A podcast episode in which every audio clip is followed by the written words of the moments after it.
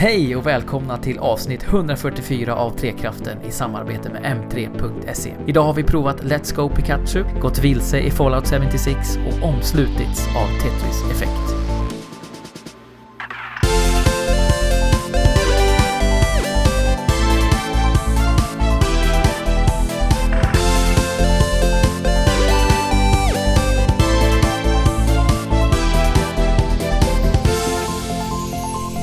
Yes, yes, yes, yes, yes, yes, yes! tillbaka i spelvärmen och tillbaka hos våra kära lyssnare. Det är jag, Jesper Englin. Nytt tillskott, fortfarande inte torr bakom öronen. Men som tur är så har jag ju med mig två stabila pelare i form av Alex. Tjena, tjena. Härligt att ha dig här. Härligt att ha dig här. Du är närmast här i, på Discord-videon också. Är det så? Du sitter i, i mitten mellan eh, mig Ah, och. Andrew. Och Andrew. Ja. Ja, tack, tack, tack. Hej. Kul att ha dig här också Jesper. Ja, nu har ju den nervösa debuten eh, skett och jag har inte fått allt för mycket eh, svordomar och ruttna tomater kastade mot mig ju. Nej. Nej, det verkar ha fått ett väldigt bra mottagande. Och det blir vi ju glada för. Mm, du har fått ganska mycket kärlek ändå, måste jag säga. Ja, verkligen. Eh, det har ju varit eh, som väntat på ett sätt, men också väldigt eh, fint att se att mm, Trekraften-communityn eh, har tagit emot mig med öppna armar. Så det känns ju fint. Men det, ja, som sagt, jag hade inte väntat mig något annat med tanke på eh, hur väl ni har byggt upp det här gänget. Ja. Jag bara reagerade på vad du sa här inledningsvis Jesper. Du sa välkommen in i spelvärmen. Mm. Jag vet ju här på, innan vi, innan vi började spela in nu så vet jag att du, du fryser ju där hemma. Ja, exakt. Den här värmen är ju extremt välbehövlig för att eh, vi har ju då 15,5 till 16 grader här hemma just nu. Det är ju, det är ju Mm. riktigt eh, kyligt. Ja, det, jag är ju också frusen av mig. Jag har det från min mamma tror jag.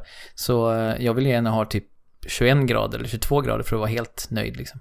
Mm. Så det ligger ju bra under den gränsen. Men det är för att eh, vi bor i ett hus som vi hyr. Eh, och eh, våran värmepump verkar inte funka så bra så att, eh, och våran hyresvärd kan vara lite seg emellanåt. Men nu, precis innan vi pratade här så pratade jag med honom och eh, vi skulle förhoppningsvis få det uppstyrt här i veckan. För att eh, barnen får sova med strumpor på. Vi sover typ alla i samma säng under ett täcke för att hålla värmen. Så det är en sån här, Mm. det är lite så här eh, tillbaka till eh, 20-talet för Mm. oss. Men det är ju lite mysigt. Det är det. Det finns eh, definitivt guldkanter i, i detta också. Ja. Eh, men har ni det varmare i era respektive hus? Ni är ju båda husägare nu för tiden ju. Ja, eh, jag, jag har det ganska kyligt också. Andrew bor ju på ett litet, mer av ett torp. Du Ja, har ju värre så. med, värre med kylan än vad jag har. Ja men jag ligger ju runt eh, 17-18 grader någonstans. Alltid, egentligen. Jag är ju van att eh, ha på mig t-shirts när jag är inne i mitt hem. Mm. Men nu när jag flyttade hit då insåg jag att man måste ju faktiskt inte ha t-shirt på sig när man är inomhus. så att för mig så är det bara på med en, eh, en varm härlig ulltröja och lite sockor så, så är ju problemet löst egentligen. Ja, vi ser ju här att Andrew sitter ju iklädd en sån här ful jultröja och laddar inför den kommande juletiden. Mm. En eh, Playstation-tema-variant på tröja. Ja, Fick, fick ni en liten modeshow mitt i allt nu? Ja, hoppas att ni att det gick igenom luran också. Den eleganta svingen och snurren som Andrew precis gjorde här framför kamerorna. Mm. Ja, men eh, ni går liksom in i en intensiv slutperiod här nu inför julen misstänker jag också i pluggandet. Ni ska Mm. hoppa in i ett nytt projekt. Ja, men precis. Vi har ju suttit eh, hela förra veckan och eh, jobbat med en deconstruction av ett mobilspel som redan finns ute. Och vi har ju Ja. lärt oss nu hur, hur mobilspelen funkar. Det här var ju spännande. Vi har gjort det tillsammans Just här. Ja, vi var ju i samma grupp. Mm. Ehm, väldigt lärorikt, väldigt, väldigt intressant och framförallt väldigt roligt har det varit. Får ni avslöja vilket spel det var eller vilken? Absolut. Eh, det är ett spel som heter Fishdom, Mm. som Eh, är en- utvecklat match utav free. Playrix. Nej, nu tänkte jag dra hela presentationen. Jaha, du tänkte dra den. Nej, jag skojar. Ja, vi, vi spelar ju vanligtvis inte speciellt mycket mobilspel, men vi har suttit och spelat det här en hel del förra veckan. För att liksom Mm. bryta ner det här och se vad det här gör bra, vad, gör, vad det här spelet gör bra och vad det gör dåligt. Mm. Det har varit spännande. Ja, kul att vara så specifik. Det gör man ju inte så ofta med ett spel just och, och kollar på mekaniken i, i de minsta molekylerna på det sättet. Nej. Nej, precis. Och det, det som var särskilt intressant, det var ju att det var ett spel som ingen av oss egentligen tyckte särskilt mycket om alls heller.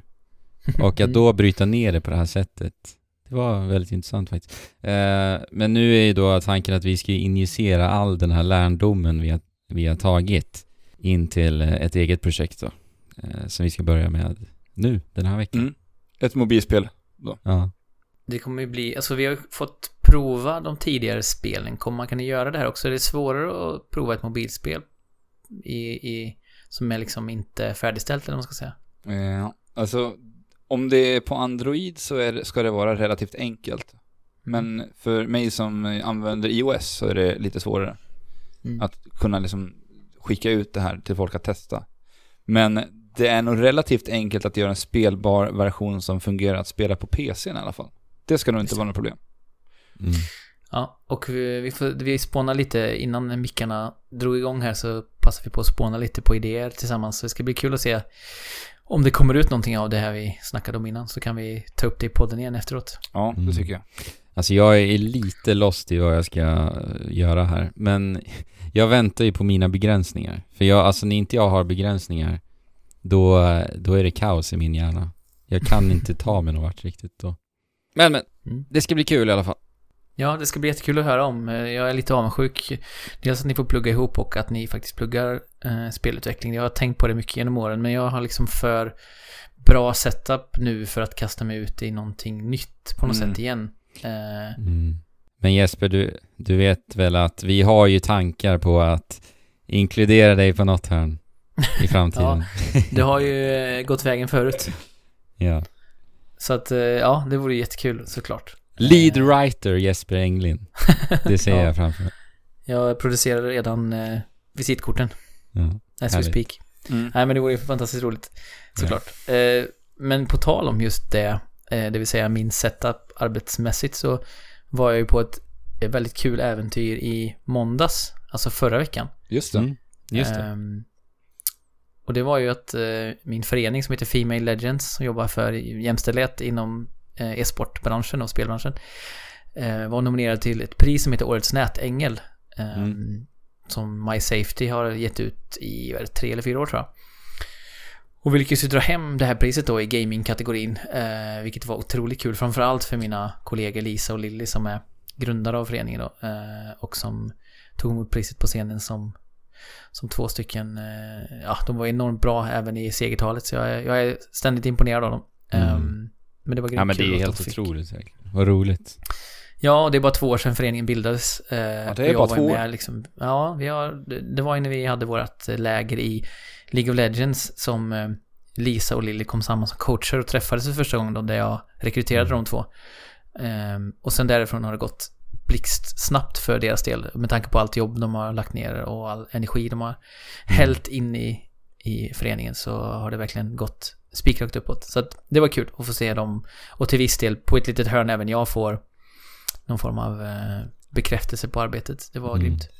Eh, Ja. En annan Ja. udda detalj på den här galan var att det var ganska, en ganska fin gala, en ganska uppklädd gala. Var att eh, min bordsdam till vänster var Regina Lund under hela kvällen. Jaså? Jaha. Ehm, Ja.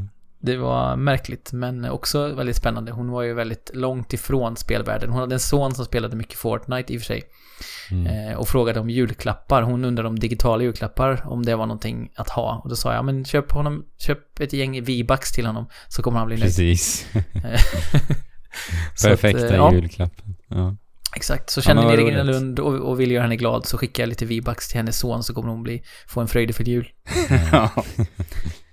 Ja, Eh, ja, men eh, ja. grattis till Female Legend får man ändå säga. Ja, verkligen. Och tack höll jag på att säga. Jag, det blir så här, jag är ju en del av det på ett sätt, men eftersom det är en förening av tjejer för tjejer så är ju inte jag central. Så att det blir liksom lite både och på något sätt. Eh, Mm. Men jag känner mig som en del av det i alla fall. Mm. Eh, ni har också varit iväg på äventyr av lite annan karaktär. Ja. Ja. I Stockholmstrakten också. Jag var på Nalen, men ni var hos... ja, vi var ute i Solna och klämde på lite nya titlar från Capcom. Precis. Just det. Och eh, stötte på din gamla kollega, på tal om dina jobb. Ja, precis. Jag breder ut mig överallt. Ja. Linn eh, på MI5, ja. Mm. Ja, precis. En, en av spelbranschens bästa eh, PR-personer. Jag har ju träffat många genom åren hon är ju grymt duktig och ja, på alla sätt och vis en utmärkt människa. Ja, Och superhärlig. Vi skulle också hälsa så mycket till dig.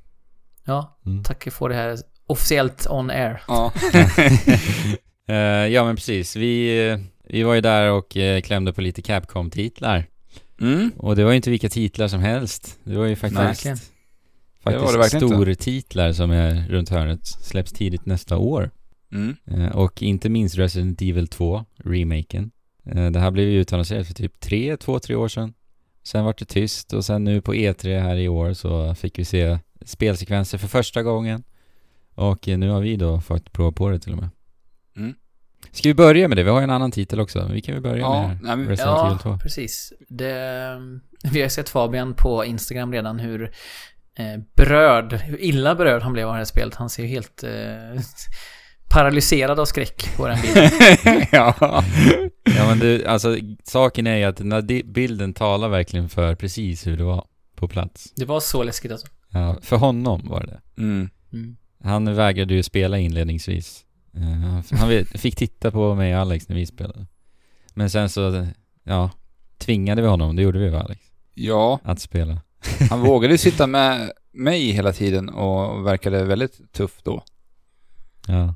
Men så fort han eh, greppade tag i kontrollen själv, då, då blev han harig. Då ja. hade han inte den kontrollen längre. Eh, nej men eh, Resident Evil 2. Jag tycker... Jag har, håller ju Resident Evil 4 som min absoluta stora favorit i den här spelserien. Och eh, det är för att det gjorde så mycket nytt med den här skräckgenren. Jag gillade framförallt så här kontrollsystemet i det här. Alltså man, fick, man ändrade kameravinklarna, man tog bort de här fixerade kameravinklarna och satte kameran bakom spelaren istället. Mer ur ett tredje persons perspektiv. För att fortfarande med den här tankkontrollen som, som vi var så väl bekanta med vid den här tiden. Mm. Men i Resident Evil 2-remaken så tycker jag att de har liksom bevarat det bästa av två världar. Alltså de har, de har fortfarande kvar den här vinkeln från Resident Evil 4. Men inga tankkontroller utan du kan liksom röra dig på ett mer Ja. friare sätt som i en eh, Mm. tredje, tredje, tredje persons actionrökare. Ja, det går inte ens att ställa in tankkontroll utan det här är liksom en upplevelse som ska vara på det här sättet eller? Ja, Inte i demon i alla fall. Jag, prov, jag kollade faktiskt i menyerna. Det fanns inga, inga Nej. inställningar för det. nej. Och jag, jag tycker att det här gör väldigt, eh, gör spelet mycket gott faktiskt. Och det känns, eh, känns jätte, jätte, jättebra det här spelet. Och jag har varit förvånad över hur fint det här rullar. Vi spelar ju det här på en Playstation 4 Pro, ska ju sägas också. Mm. Precis. Och det var, Ja, det var- väldigt, väldigt smooth rörelser. Alltså, det är inga frame drops, jättelent. Och som du pratade, och som du pratade om här när vi satt och spelade det här spelet, att spelet blir så mycket läskigare på någonting när, när det flyter så här mjukt som den här Ja. versionen verkligen gör. Alltså det, Ja, det blir verkligen. lite mer läskigt. Men jag är ju väldigt dåligt insatt i skräckgenren överhuvudta- överhuvudtaget och det är ju med flit här som att jag också, likt Fabian, är väldigt lättskrämd när det kommer till spel, eller lättskrämd överlag kanske. Ja. Eh, så jag har inte koll på hur spelet ser ut. Är det en remake från grunden och upp så att säga? Så att det är inte baserat på gammal grafik utan det är nybyggd likt i Spyro att man liksom byggde alla byggstenar från början. De har ju byggt om precis allting. Alltså även pussellösningarna. Ja, precis. Jag, jag var ju snabb med att fråga den där representanten för Capcom på plats att eh, har Capcom gått tillbaka till ritbordet vad gäller pussellösning och alla gåtor och alltihopa? Och eh, ja, svaret är ja. Och det känns ju också väldigt fräscht för de har ju eh, moderniserat det helt enkelt. Eh, men sen var han också väldigt, väldigt snabb på att poängtera att det betyder inte att de har moderniserat lösningarna, eh, så att säga. För att eh, om vi minns hur Resident Evil var på den tiden, jag själv har inte spelat det men jag vet ändå spelets förlopp och hur det fungerar. Så håller ju inte spelet dig i din hand alls. Nej. och det var han viktig med att säga, att pussellösningen kommer fortfarande ha, ha det, att du måste lösa det på egen hand. Du måste läsa mellan raderna i gåtor och liknande. Ja, men hade här spelet släppts, remaken släppts för fem eller sex år sedan, så kanske det inte hade varit så naturligt att, att göra den, eller behålla den aspekten rättare sagt. Men nu känns det Mm. som att det är inte ens en speciellt stort risktagande att, Nej, att göra så. Med tanke på att det har fått en revival, den typen av tänk Mm. kring spel. Att man vill ha spel som man får utforska själv snarare än Exakt. som pekar på vad man ska Alltså, göra. det tyckte jag de visade på väldigt tydligt i den här Leon-demon. För att i Resident Evil 2 så spelar man ju både som Leon och Claire. Och vi fick spela, vi, vi hade tre demos att välja på. Mm. Du, Anders, spelade ett utav Claire-demorna, eller hur? Yes. Och jag spelade Leon-delen som innehöll väldigt mycket olika pussel och gåtor och sånt där. Och det är ju verkligen så att du måste läsa på, på väggar och läsa gåtor och verkligen ha dem i åtanke i all pussellösning som du gör på den här äh, banan. Och det tycker jag, jag tycker att det är härligt för att mm, vi har blivit så förslappade som spelare idag. Mhm. Allting ska bli så, äh, det, det är verkligen upp i nyllet på oss spelare. Mm.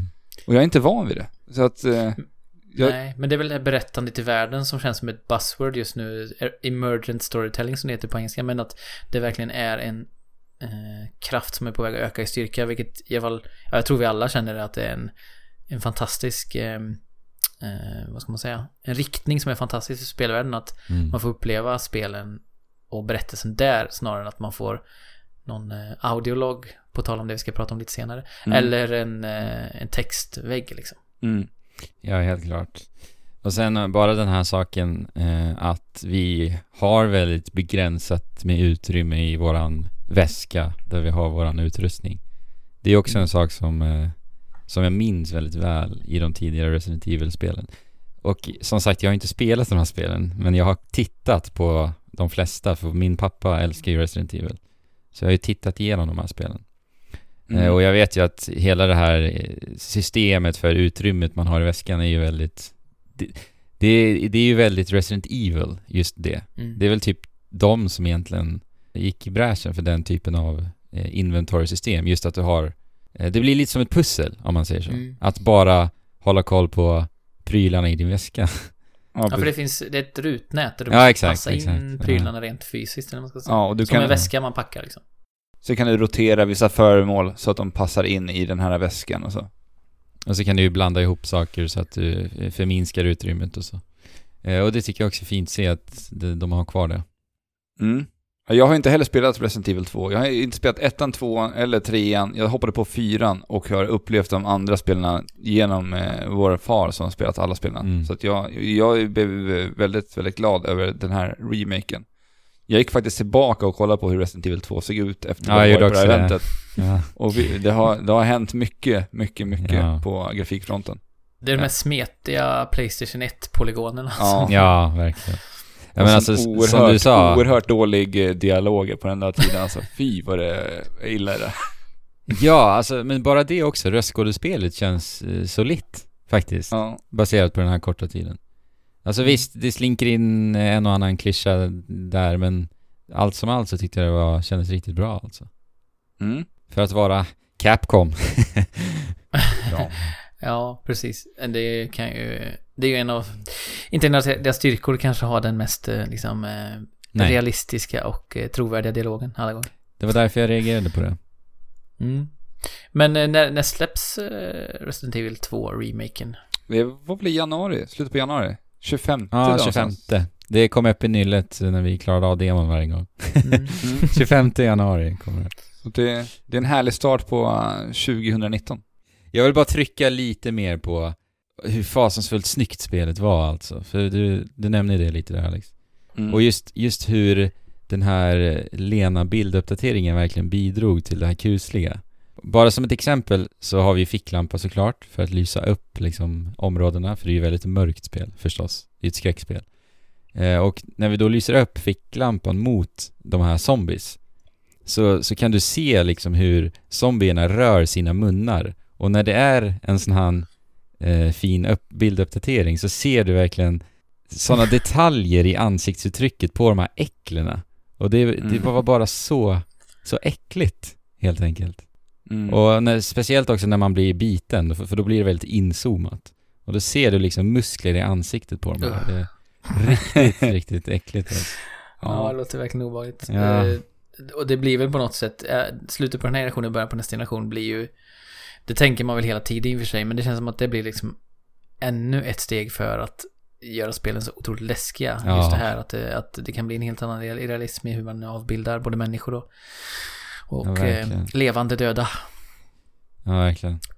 Och eh, Resident Evil är ju på en bra plats. Eh, Sjuan var ju väldigt väl mottagen och VR-versionen till och med har ju fått eh, rätt mycket hyllningar. Mm.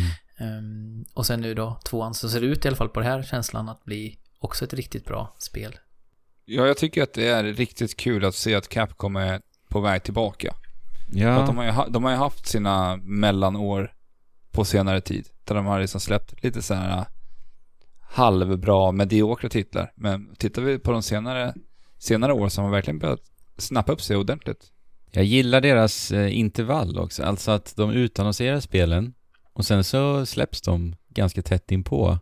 Mm. Eh, Det hände ju med både Resident Evil 7 och Monster Hunter World som var de stora titlarna förra året och sen nu igen med Resident Evil 2 och Devil May Cry 5. Och, glöm, och får man inte glömma Monster Hunter Generations Ultimate som släpptes på Switch ganska så snabbt efter att de utannonserade. Ja, precis. Ja, precis. För det var inte bara Resident Evil 2 ni fick eh, sätta, Nej. sätta tummarna i, utan ni fick ju även eh, be, eh, stifta bekantskap med Dante Mm. en, en, en gång. Eh, denna elegant som påminner en hel del om Bayonetta, eller Bayonetta påminner kanske en hel del om Ja, Dante precis. snarare.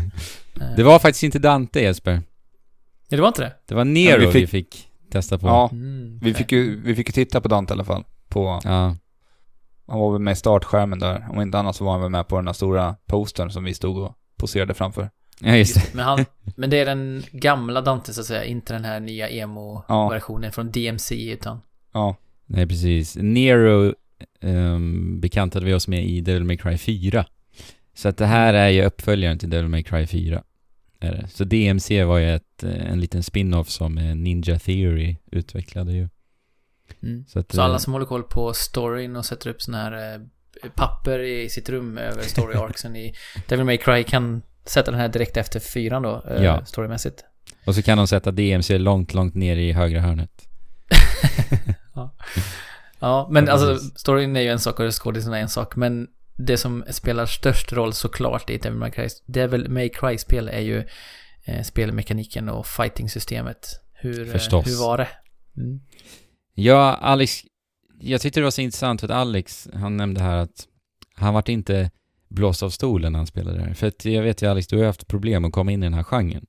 Mm. Eh, vad ska vi Ja, kalla jag det? har- Hack and slash. Det är väl Ja. det. För du spelade ju Bayonetta 2 och du blev totalförälskad. Ja, jag köpte ju det när det kom till Wii U. Både, Mm. de släppte de här spelen i en eh, special edition. Ja, just det. de fick just båda spelen, så att jag spelade ju ettan och tvåan direkt efter varandra. Jag var ju helt såld. Mm. Och, och det har nog mycket att göra med att eh, i den här typen av spel så har jag haft så mycket, haft så mycket problem med just kamerakontrollen. Alltså Mm. veta vad som händer runt omkring mig. Och liksom kunna planera mina strider på ett bra sätt. Jag tyckte att Bayonetta gjorde det så oerhört bra. Mm. Som gjorde att jag Ja, alltid ja. hade stenkoll och speciellt med den här, eh, vad heter det här? Witch... mo- Witch... Witch time. Witch time. De löste Ja. den grejen så bra att du, slow, du gick ner i slow motion när du dodgade undan och då kunde du också justera kameran och liksom, Andas lite. ja. Jo, precis. Ja, men det är någonting som jag verkligen beundrar så här, vad gäller Bayonetta, att det är fullständig kaos på skärmen nästan konstant i strider. Det är så spektakel hela, hela tiden. Men du har full kontroll på allt du gör och du vet exakt vad du gör. Det är Mm. någonting som, är- som är fascinerande med det spelet. Och eh, det jag skulle komma till med att säga eh, att det är intressant att veta eh, var du kommer ifrån när det kommer till hack and slash-spel. Eh, ja men det är att eh, du kände ju inte riktigt det här när du spelade Devil May Cry 5 nu. Att det, det klickade inte riktigt för dig, visst var det så Alex? Nej, inte helt faktiskt. Mm. Och det har ju att göra med kameran. Ja okej, som, jag det inte, det. som, som jag inte varit helt överens med. Nej. Jag får väl hålla med att eh, kameran är lite märklig baserat på den här och hur lång var demon? Kanske en 20 minuter någonstans. Mm. Eh, och det största problemet jag hade med kameran det var att den är på tok för nära huvudkaraktären. Alltså den är låst för nära. Och sen så kändes det inte riktigt det kändes inte riktigt behagligt att eh, justera kameran utan den levde sitt egna lilla liv på något vis. Jag kunde inte, alltså det var ju en väldigt kort demo det här så att vi hann ju inte riktigt eh, känna in exakt vad det var som eh, ställde till det. Men det var, jag vet inte, det, all, alldeles för långt in på karaktären vilket också då kanske var konsekvensen till att det inte kändes riktigt eh, behagligt att justera den. Jag vet inte. Mm. Och, men det är traditionellt, du, man rör högerspaken liksom. Ja, Upp- precis. Vänster och Mm. höger och upp och ner och... För att i- till skillnad från Devil May Cry 4 så är det ju inga låsta kameravinklar i det här, utan det, du är helt fri med kameran nu. Ja just det, så de har kört på fixerade kameravinklar i tidigare spel i Devil May Cry? Ja, de har ju blandat. Det har varit och. Okej. Ja. Men hur, hur är spelet i form av, eh, för vi pratade om Bayonetta lite, det är ju en fest liksom för alla sinnen att spela Bayonetta på något sätt. Det händer Ja. saker hela tiden. Och de spelar Fly Me To The Moon i någon slags J-pop-version och det är liksom bara, eh, det är urtypen av eh, stämning i ett spel som jag fullständigt älskar. ja. Hur är det i Devil May Cry? Hur är tonen och hur är, hur är den grafiska och liksom auditiva pres- presentationen? ja, men den är likvärdig Bayonetta skulle jag säga faktiskt. Alltså, Mm. Bayonetta. Bayonetta är ju typ en eh, kvinnlig eh, Dante, lite. Alltså de har ju lite samma jargong. Väldigt lika i så här personlighet och hur de, hur de pratar. Ja, driver med sina fi- fiender mycket och Mm. Men eh, striderna är ju väldigt bra. Men saken med sådana här spel, det är ju att jag gillar dem som mest när jag verkligen går in på djupet med dem och verkligen bemästrar spelen. Och jag, vi pratade lite om vad som är kul i spel förra veckan. Och då tror jag jag nämnde Bayonetta lite i förbifarten. Att det är någonting som jag tycker är väldigt kul med de här spelen. Att eh, ta sig an de här utmaningarna och verkligen bemästra spelets djup. Och det kunde jag inte ens eh, skrapa på ytan på nu, eh, på de här, den här korta tiden. Eh, men någonting jag uppskattar med Devil May Cry-spelen, det är ju att eh, det har väldigt flexibla, snabba strider. Men samtidigt så känns det som att det har en tyngd, vilket jag tycker inte Bayonetta har på samma sätt. Eh, och det blir någon lite mer intim eh, känsla på något vis i Devil May Mm. Cry-spelen. Fick ni stöta på någon boss då, på tal om tyngd? Ja, Mm. För det är ju den stora grejen också. precis. Och bossen var ju skithäftig. Klarade du av bossen Alex? Ja, det gjorde Mm. Bra jobbat. Den var lite små, jag hade lite problem med den vid några tillfällen faktiskt. Ja, alltså, jag hade problem med den för att jag inte riktigt begrep mig på det här systemet med, alltså vad heter han, Nero som vi spelar, har ju den Mm. här armen som eh, han laddar upp med en kraft i. Ja, precis. Devil Bringer som är tillbaka. Men Ja. nu heter den istället Devil Breaker och nu är det någon form av robotarm istället. Och sen så plockar man upp förbrukningsbara armar som du hittar utplacerat på, på Ja. banan. Alltså, för jag, jag begrep mig inte på hur den där mekaniken funkade riktigt på den här korta demon, så att jag brände ju armar till höger och vänster, så jag sprang bara runt med en arm hela tiden. Och gjorde Mm. väldigt lite skada, för att jag spelade lite fel, faktiskt. Mm. Så att jag stod och kämpade med den här bossen rätt länge och vevade på med en arm. Ja, okej. One-armed Fin- Nero. Finns det ett eh, storyberättigande till att det ligger armar överallt? ja, det vet jag inte. ja, det kan jag inte svara på tyvärr. Nej, det är sant. Eh, Hoppas det. Mm. Men alltså jag, jag undrar lite hur det här systemet kommer att utveckla sig, just att vi har förbrukningsbara armar. För i sådana här spel så kan jag känna att jag vill ju ha mina verktyg som jag, som sagt, bemästrar. Om jag då måste liksom leta efter någonting förbrukningsbart, sen kanske det är jättelätt tillgängligt eh, i fullspelet sen, det vet inte jag. De har ju spridit ut dem överallt i hela världen, så att det kommer ju gå att hitta armar överallt. Men det är bara någonting jag frågar mig liksom, hur det kommer utvecklas och hur det kommer Mm, vara. men- Får man olika egenskaper av armarna som i ett arms till exempel? Ja, precis. Det var ju tre eller fyra olika i den här demon. Att du, du använder alla på samma sätt. Det är samma knapptryckningar. Men de gör helt och hållet olika saker.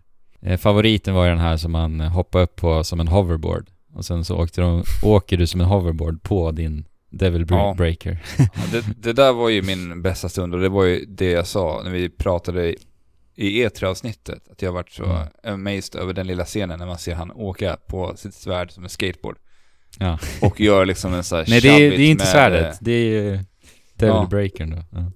Och sen gör han som en shove-it med eh, den här på fienderna och bara skickar iväg den. Det ser ju häftigt ut. Precis. Sista attacken är att man slänger iväg den och så exploderar hela armen. Mm. Jag fick, lyckades få en SSS-kombo med det, till och med. Och då, eh, den här Capcom-representanten satt och tittade bredvid mig då. Han blev imponerad. Ja. ja. Nej men bossstriden, eh, den tyckte jag väldigt mycket om. Bossen var ju någon typ eh, djävulsliknande i, ja tänker djävulsliknande i Devil May Crys universum. som har ett hål i magen med eh, sylvassa tänder. Och i, ur det här hålet så kastar den här bossen iväg sig stora eldbollar. Det finns ju många spelsekvenser på den här bossen från E3 vet jag också. Ehm, och det jag tyckte om med bossstriden också väldigt mycket, det är någonting som jag pratat om eh, när vi har pratat om Dark Souls-spelen. Eh, att Dark Souls-spel har ju fastnat lite i att bossar alltid ska äga rum liksom på en arena så här. Du, du har den här eh, väggen av rök som du går igenom och nu är det bossstrid. Ta ner den här, ta ner livmätaren till noll, bossstriden är över. Men det jag tyckte om väldigt mycket här var att vi, vi inledde bossstriden på, uppe på ett hustak. Och sen eh, en tredjedel in i bossstriden, när livmätaren var en tredjedel dränerad, då eh, föll hustaket eh, ner och sen så fortsatte bossstriden liksom inne i byggnaden så att säga.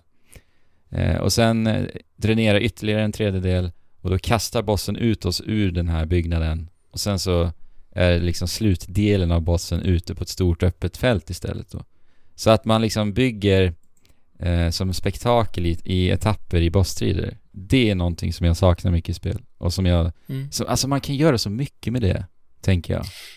Jag tycker att eh, det fanns en del sådana sekvenser i Spiderman som jag ska prata lite bara slutintryck om, om en liten stund. Mm. Eh, slutbossen till exempel är ju lite så, men det är klart att det förändras inte jättemycket mekaniskt eller, eller hur man rör sig. Nej. Men det, men det är ändå lite så här, man får byta miljöer och man kanske begränsas något i sitt rörelsemönster eller, eller tvärtom expandera sitt rörelsemönster. Men, men eh, ja, just det där att hålla en på tå, att det inte bara blir en monotont nötande mot en stor fiende med mycket Precis. HP utan att det faktiskt Alltså jag, jag underminerar självklart inte Dark Souls bossar här, men jag menar bara att man kan utveckla det och göra någonting mer med bossar. Och det tycker jag är ändå kul att se här. Det är inget unikt heller, men det är bara det att, att de gör det. Och de gör det eh, väldigt bra här. Det är också lite Monster Hunter-eskt på något sätt. Mm. Att jaga ett monster genom olika miljöer Exakt. och med olika förutsättningar runt omkring sig. Mm. Ja, men eh, jag, jag får lite, vad heter det, Mario Odyssey-vibbar av de här armarna. Eh, som får olika egenskaper. ja. Ehm, Så det ska bli väldigt kul att se hur, hur det, den aspekten, för det känns ju som det blir en väldigt tung del av spelet då, att fokuset blir väldigt mycket på att vilka armar man har till- har till sitt förfogande vid vilket tillfälle och så. Ja, Men- sen kommer man ju kunna spela Dante och han har ju inte det så... Nej, blir väl- det var det jag tänkte fråga. Vet vi någonting hur det där kommer att se ut? Hur Dante kommer att ha, hans roll kommer att se ut i? Nej, alltså det finns ju spelsekvenser med Dante och så, men det berättarmässigt har jag ingen aning och jag vet inte liksom hur stor del av spelet som kommer vara att du spelar Dante och sådär. Vi ser ju en gemensam nämnare här med Resident Evil 2 och nya Devil May Cry. Att båda spelarna kan man spela två stycken olika karaktärer. Båda Ja, nästa år. Och båda har ju otroligt bra och responsiv spelkontroll också.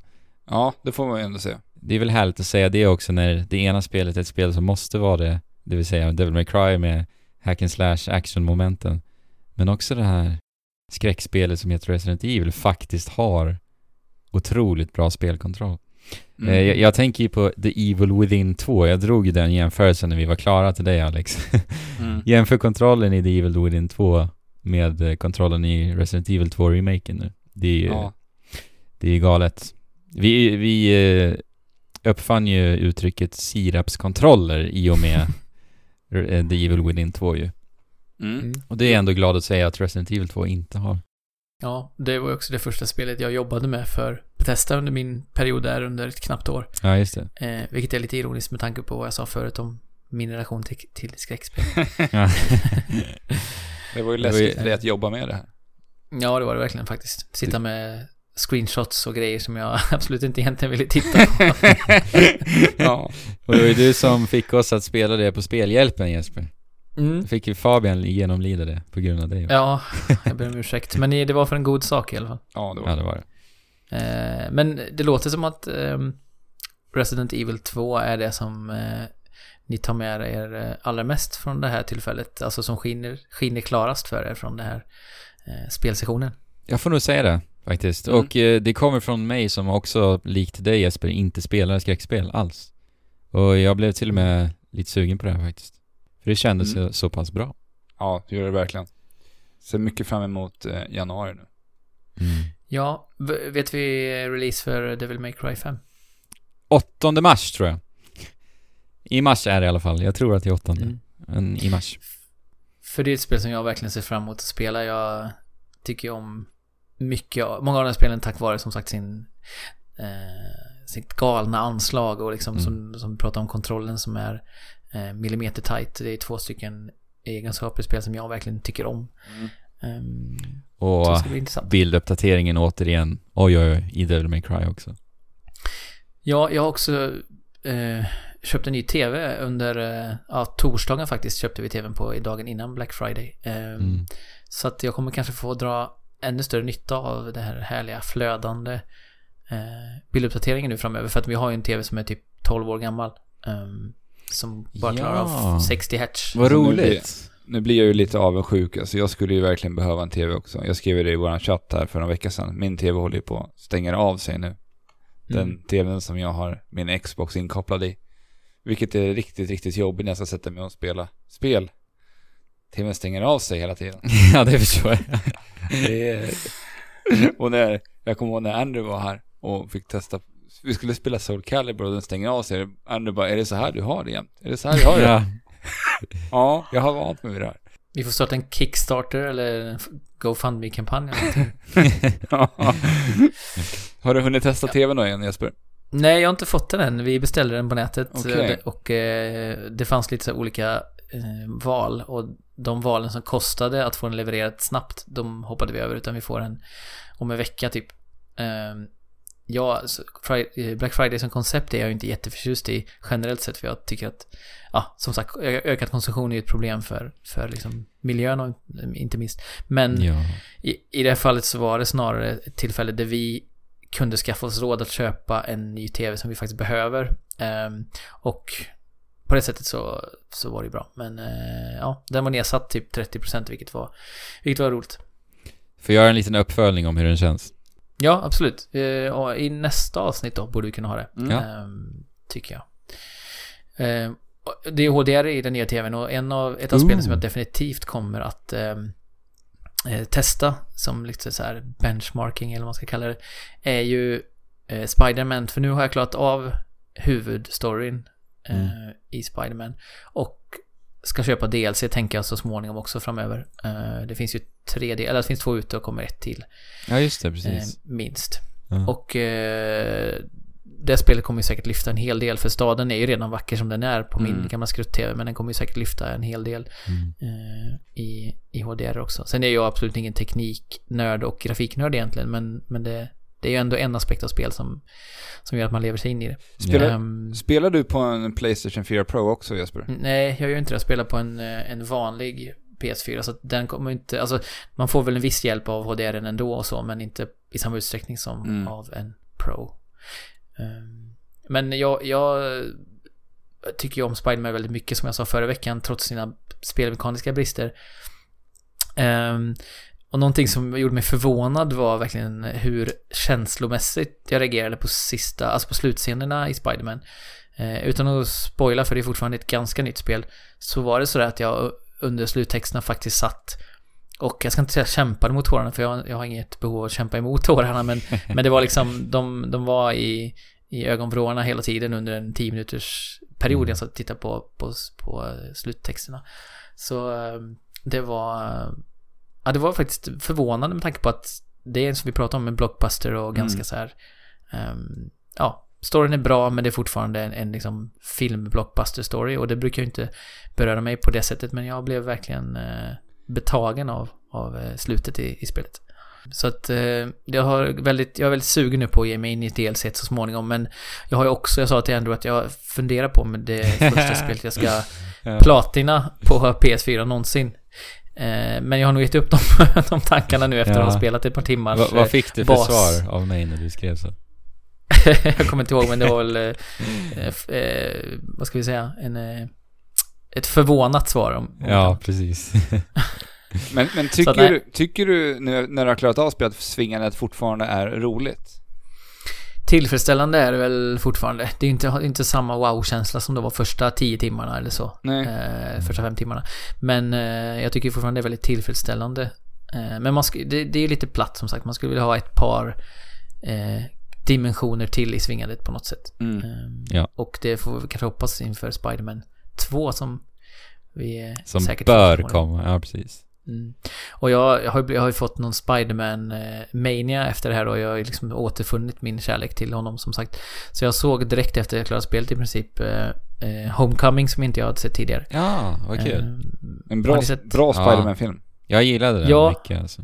Jag med. Eh, Just värmen i den och, och Mm. det flummiga. Alltså det är ju så väldigt mycket... Eh, vad ska man säga? Det är ganska mycket internethumor på det sättet att tajmingen eh, är väldigt mycket av YouTube-generationens eh, sätt att uttrycka sig på. Eh, och sen hela den här grejen med att han faktiskt är väldigt fumlig och försöker på något sätt komma till komma till rätta med hur det är att vara Spiderman och han ger sig in i situationer som han inte behärskar och Mm. Tony Stark, alltså Robert Downey Jr är ju fantastiskt rolig och bra i den här filmen som någon slags Men, Ja, han försöker ju vara en farlighetsfigur men han klarar inte av det heller. Han, han är också fumlig i sin roll. Ja. Ehm, Ja, jag, alltså jag skrattade verkligen högt många gånger i den filmen. Jag tyckte den Mm. var riktigt härlig alltså.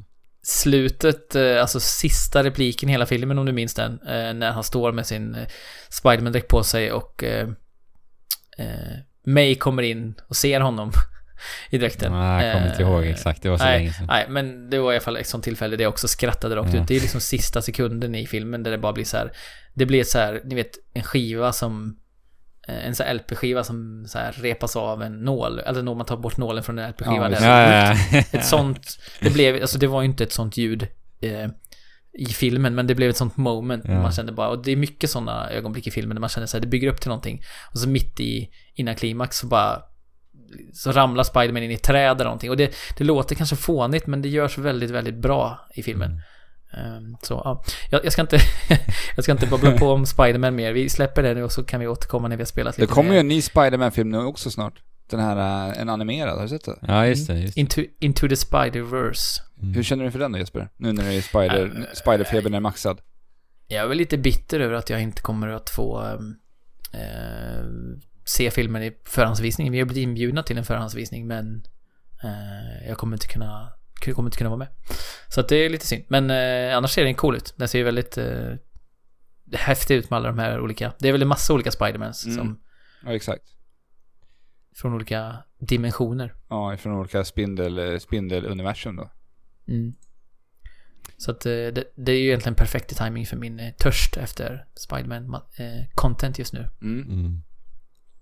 Cool. Men, eh, ja, men låt oss eh, vandra ifrån Spiderman och kladdiga nät till en liten eh, gul varelse med... Eh, jag, jag hörde ganska nyss, vilket, vilket gjorde mig förvånad, att de här röda...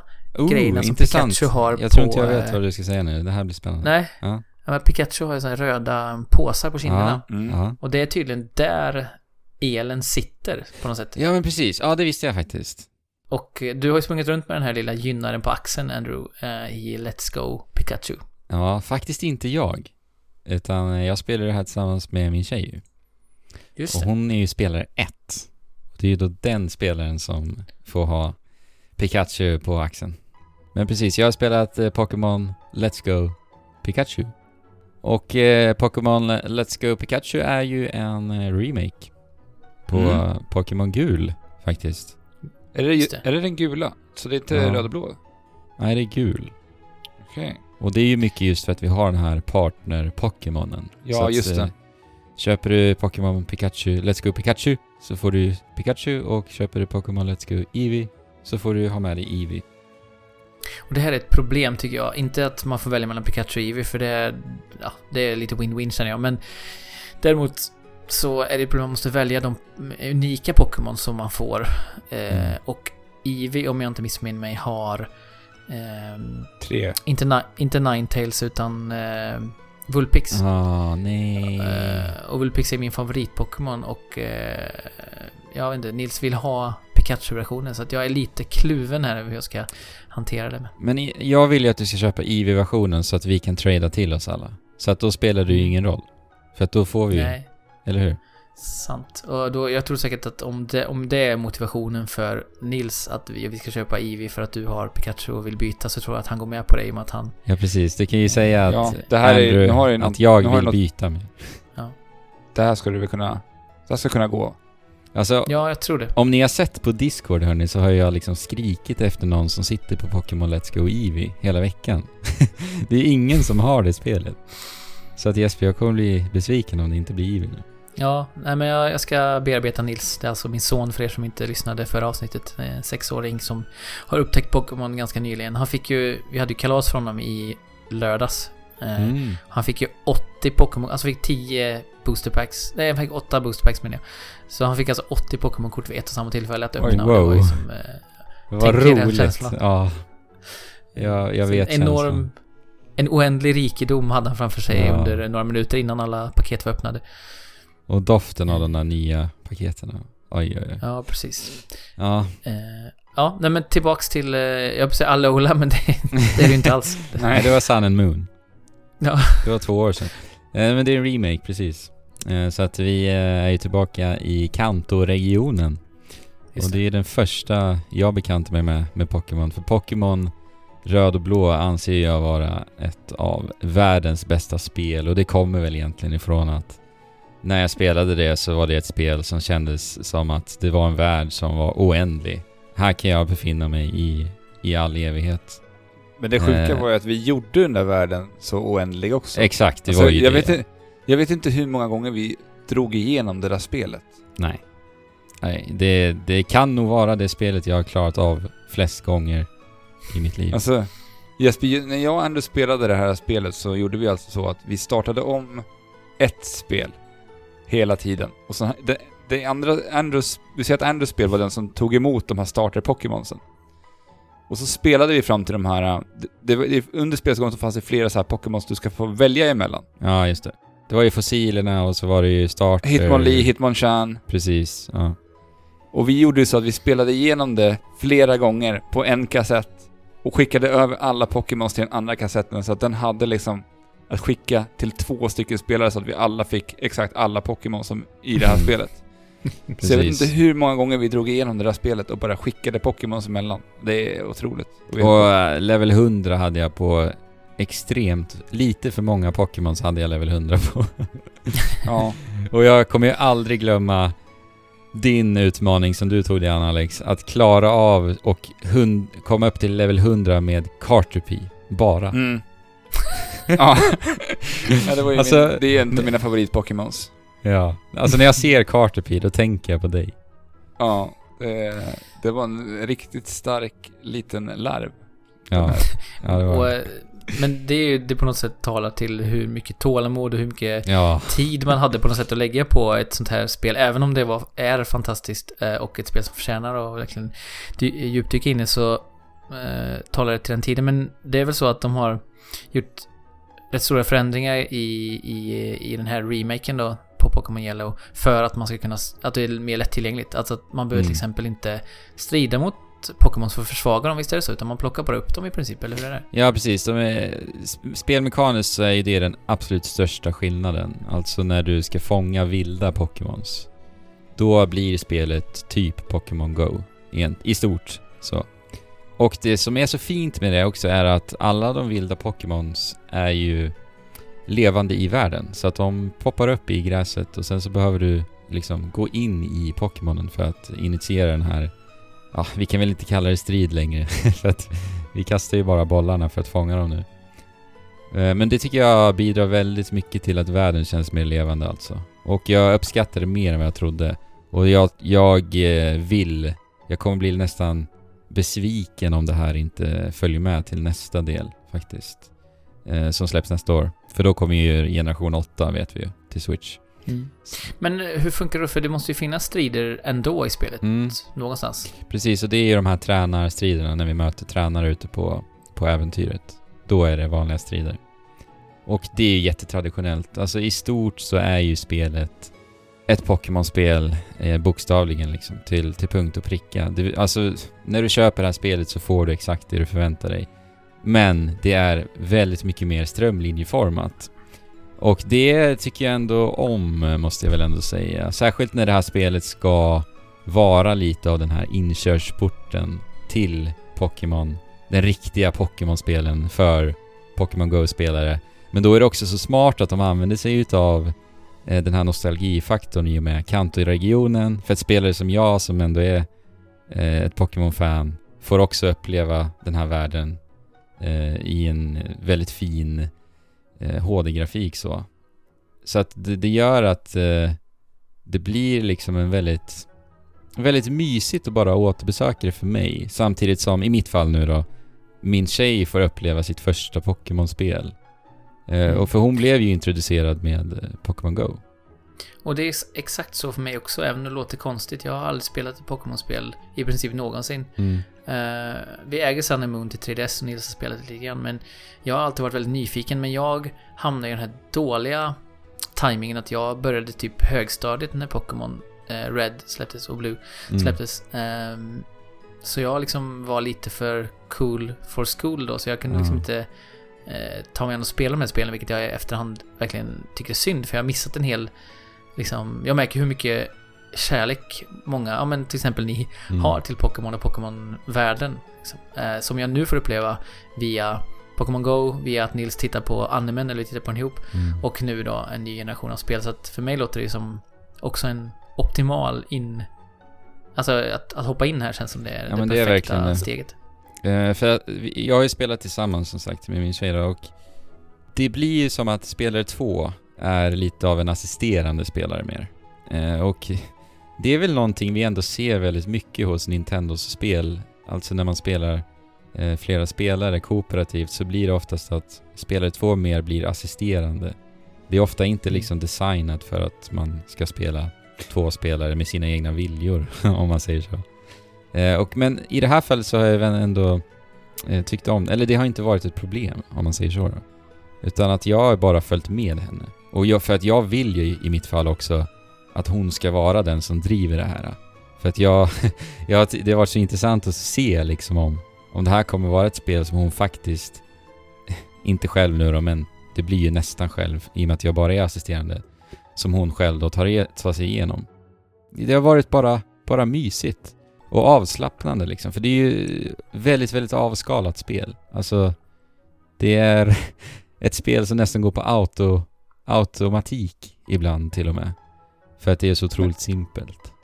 Mm. Men det här är lite intressant för det är många som har varit lite rädda för att det här ska vara liksom lite neddummat och, och kanske, som kanske tycker att Pokémon Go just eh, förstör deras liksom Mm. eh, Pokémon-bild lite grann och, och vad folk förväntar sig av spelet. Men allt jag hör både från dig och från många andra som har testat det här spelet är att det inte riktigt är så, utan att det faktiskt är ett fullskaligt Pokémon med bra förändringar, just som du sa, i form av förenklingar som inte fördummar utan bara bjuder in snarare. Eh, och man Ja. undrar ju också lite hur, vad, hur kommer, vad kommer det innebära för, för Framtiden. nästa Pokémon? Alltså- ja, för, med, Mm. för om det här är ett riktigt Pokémon-spel, vad är då nästa Pokémon-spel? Hur, hur ser Mm. det ut då? Det som du sa som kommer nästa år? Alltså det, det känns ju ganska så spännande att de faktiskt testar det här i och med eh, Pokémon Let's Go. Så här, Mm. de, de, nu kan de ju pröva det och se hur det här tas emot. För att liksom verkligen ta med sig det här in i det nya Pokémon-spelet. För jag, jag tänker väldigt mycket på det vi fick se ifrån hur de hanterade Zelda, vad heter det här nu? Link to the Past-uppföljaren. Ja, Link Between Worlds. Exakt. Eh, och hur de faktiskt tittade mycket på vad som gjordes bra med det spelet och vad vi sen fick se i Breath of the Wild efter. Mm. Ja, exakt. Att den här friheten att man hade tillgång till alla items Ja, och precis. eh, en öppen värld som inte var begränsad av dolda väggar, eller ska säga, utan att man fick lösa det på egen hand på något Ja, vis. ja Mm. och det, det här är ju ett perfekt sätt för Pokémon att hantera det på. Man, man då förenklar väldigt mycket, tar bort mycket av det här tråkiga som många också klagat på genom, genom- genom de senare Pokémon-iterationerna. Som jag själv börjar bli väldigt, väldigt less på. Den här Ja. typiska striderna. För det är så här, jag, jag sa det till andra veckan, jag blir alltid så, när det väl närmar sig en Pokémon-release så blir jag alltid super, super taggad. Det är så här, barnet i mig växer och blir supertaggad på att verkligen kasta mig in i den här världen igen. Men, eh, det, och nu när jag har fått liksom höra Andrew den här veckan så blir jag så här, jag blir väldigt, väldigt sugen på att hoppa tillbaka. Mm. Det är ju som du säger Jesper, ja, det är ett Pokémon-spel liksom. Det är otroligt välbekant i upplägg och struktur, alltihopa. Och eh, som du sa Alex, man är ju lite trött på framförallt eh, stridsmekaniken i Pokémon-spelen. Och då är det ändå härligt att, att det försvinner Så i, i åtminstone de vilda striderna mot Pokémons. Men Mm. samtidigt, alltså för här strider jag lite med, min, med eh, mina känslor i mig själv här för att det är ju någonting i det där just att sänka livet till eh, så, så lite du, så, så du knappt ser liv, livmätaren på din Pokémon. Och då vet du, nu har jag den perfekta förutsättningen, förutsättningen för att fånga den här. Och det är som att du har byggt upp det perfekta för att, ja, Mm. eh, fånga helt enkelt. Och lite, den där saken försvinner ju lite granna eh, nu. För nu är det ju bara mata lite med, med såna här eh, bär som vi gör i Pokémon Go också ju. Okej, så de har tagit med alla de där grejerna från Pokémon Go in till det här spelet också? Mm. Och eh, ja, kasta med en ultraboll i bästa fall och, och hoppas Mm. på det bästa. Liksom. Har du spelat med eh, Pokémon, vad heter den, bollen? Alltså Pokémon Plus Ja. Boll Deluxe, eller vad heter det? Det, det är ju så roligt. Eh, Det får jag tacka Bergsala för, för att jag hade ingen aning om att jag skulle få den här. Eh, Men den fick vi skicka till oss. Och det var ju ändå en överraskning. Och jag blev ju som ett, ja, jag blev åtta år igen. när jag såg att jag fick den där. Eh, För det var alltså det första jag sa till mig själv. När jag såg, när det här blev utannonserat. Den här bollen och spelet. Det var jag hade det här släppts för, för, ja vad är det nu, 20 år sedan? Ja, jag vet inte. Jag hade, jag hade exploderat. Ja men också det som vi har sett lite på Instagram om ni följer oss, att du faktiskt kan ta bollen från spel, alltså från eh, din switch, med dig ut i naturen och fånga Mm. Pokémon via Pokémon Go. Alltså, bara den grejen att kunna fånga Pokémon i en Pokéboll i verkliga världen, det är ju liksom... Men kan man göra sa, det? För det har inte jag provat. Nej, nej, du kan inte fånga, förlåt. Nej. Du kan snurra på stopps, eller hur? Så är det. Och gym. Ja, det kanske är så. Jag har inte utforskat det här, den här aspekten helt och hållet. det, det jag vet att man kan göra är att du kan ta, eh, ta dig med eh, valfri, valfri Pokémon ut på promenad och eh, liksom lägga in Pokémonen i den här Pokémonbollen. Och sen du kan kan bara du ha en Pokémon. Ja, du kan ha en i taget. Mm. Och så kan du leka med den här Pokémonen genom att skaka på den och eh, snurra, snurra runt på den analoga spaken som är i mitten då, på kontrollen. Eh, och så får man lite, Den, man får ju lite belöningar i spelet genom att göra det också. nu funkar den att spela med, för jag har hört lite blandade omdömen av just eh, Mm. hur bra den är på att registrera dina kast i, i Let's Go. Ja, alltså för det första så tyckte jag, tycker jag att den känns eh, väldigt bra att hålla i. Den har en så härlig tyngd i sig och eh, HD-rumben kommer fram ganska rejält för att du omfamnar ju verkligen hela bollen. Jaha, den, den har också HD Rumble i sig? Ja, det har den. Okej. Så för du omfamnar ju liksom hela bollen med hela handen. Så du känner av eh, vibrationerna väldigt bra. Så det tycker jag om. Lite konstigt är det att kontrollen har inte tillräckligt många knappar. för till exempel så står det i spelet tryck på Y för att göra det här. Men, men den här Pokémon-bollen har inte en, en ekvivalent till Y-knappen exempelvis. Okej. Och det blir lite konstigt, eh, måste jag ändå säga. Och då är det så dumt, för då tänker jag när vi spelar två här hemma. Då tänker jag, men då kan ju jag göra det för att ta fram den där meny, det där menyvalet. Men nej, det går inte för det är bara spelare ett som kan göra det. Så att man missar en del eh, menynavigation, vilket är lite märkligt kan jag tycka. När den liksom är specialdesignad för hela spelet också. Ja, det skulle ju vara en röststyrning så att du var tvungen att säga why varje gång. Ja, hur? Men eh, jag- känns den som så som du har fantiserat om att en Pokéboll skulle kännas? Nej, nej det gör den faktiskt inte. Och det är av den anledningen att den är väldigt, väldigt liten. Den är otroligt liten faktiskt. Och en Pokémon-boll för mig är lite mer som en baseball i storlek. Mm. Men är det inte så att man kan, att Pokémonbollar kan ha olika storlekar? För jag, är det inte så i Pokémon ser att de har dem i bältet, de kan vara liksom den eh, bara några centimeter stora? Ja just det, sen så... Och då trycker de upp dem så blir de liksom, upp expanderar dem. Ja det stämmer nog. Ja men då är Har så... du provat att... Har du utforskat alla funktioner? Det kanske finns en sån knapp. som ja, sagt, det kan, det kan bli större. Den har ju för få knappar som sagt så. Nej, nej men okej, då kanske den här Pokémon-bollen är i den storleken innan den har expanderat, eller hur? Ja. Eh, nej men eh, lite för liten, eller inte för liten, den var mindre än vad jag trodde Mm. eh, i känslan. Och sen så har den här ju högtalare och en ljuskälla till och med. Så att när Mm. du fångar Pokémons i Pokémon Let's Go så är det otroligt synkat då hur du hör hur Pokémonen rör sig inne i bollen. Och eh, även så är det den här ljuskällan är ju perfekt synkad så att den blinkar i takt till vad som händer på skärmen. Och det måste jag ändå säga bidrar faktiskt. Det bidrar till en... eh, Det, det blir liksom... Jag vet inte om autentiskt är rätt ord, men...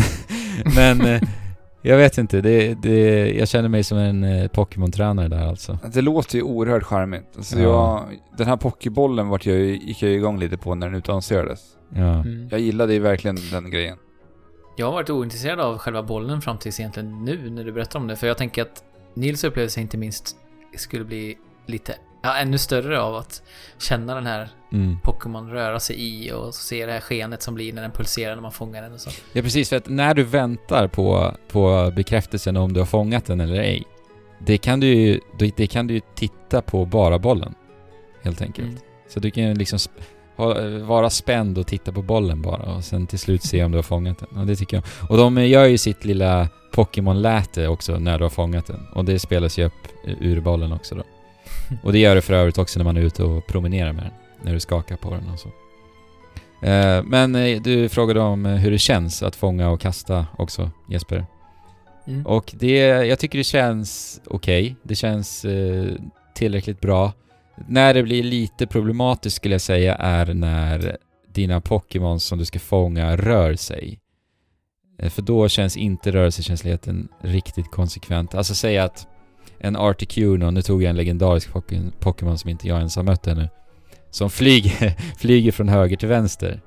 Och då när du ska tajma liksom ditt kast, säg att den kommer från, från höger, då bör du ju kasta när den är precis innan mitten så att säga. Och där kan jag känna att det blir eh, inte riktigt som jag vill helt enkelt. Just när Pokémonen är i rörelse. Men är det så att du måste göra liksom kastmovet med armen i det här spelet eller går det att kasta på annat sätt? Du måste göra det när du spelar eh, på TVn. Okej. Mm. Så att du, du har eh, Pokébolls träningsverk i armarna nu då? Ja just det, det, det var jag nära på att glömma att säga, men jag har sträckt sträckt underdelen av bicepsen. ja. Fast det, det är faktiskt Nya- borta nu, så det är därför jag inte nämnt det. Men eh, början av veckan så Ja, kände jag jag, vet det att du har gnällt en hel del över dina smärtor från Pokémon-äventyren. Ja men det är ju det, ska man bli den bästa Pokémon-tränaren så Ja. kräver det en del uppoffringar. Mm. Men det är ju det, alltså, det är det den här Pokémon-bollen gör med mig. Eller det här spelet. Det får mig att eh, känna mig som en Pokémon-tränare? Speciellt just det där kastet. Att jag behöver kasta det fysiskt. Ja. Det är också något för den här generationen och nästa generation att verkligen steppa upp den grejen att man får liksom leva ut sin Pokémon-fantasi på något sätt Mm.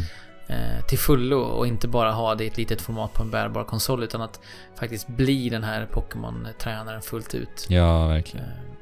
leva ut sin Ash eh, entusiasm till fullo. Ja, alltså jag drar ju kepsen bak och fram och eh, ja, säger en och annan Pokémon-fras när det är dags att kasta den där bollen hemma.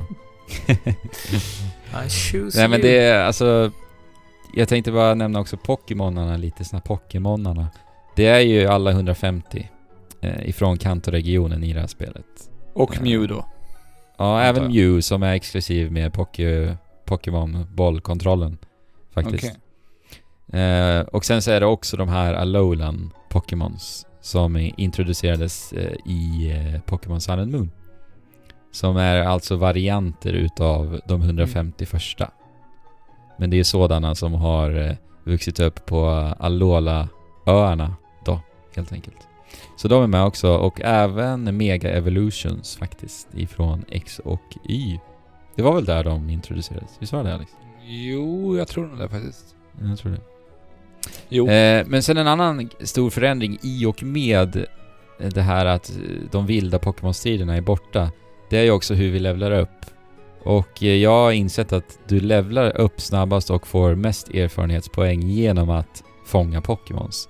Eh, och det gör du genom att du bygger upp som ett kombo. Så säg att du fångar 10 stycken Pokémons i rad utan att misslyckas.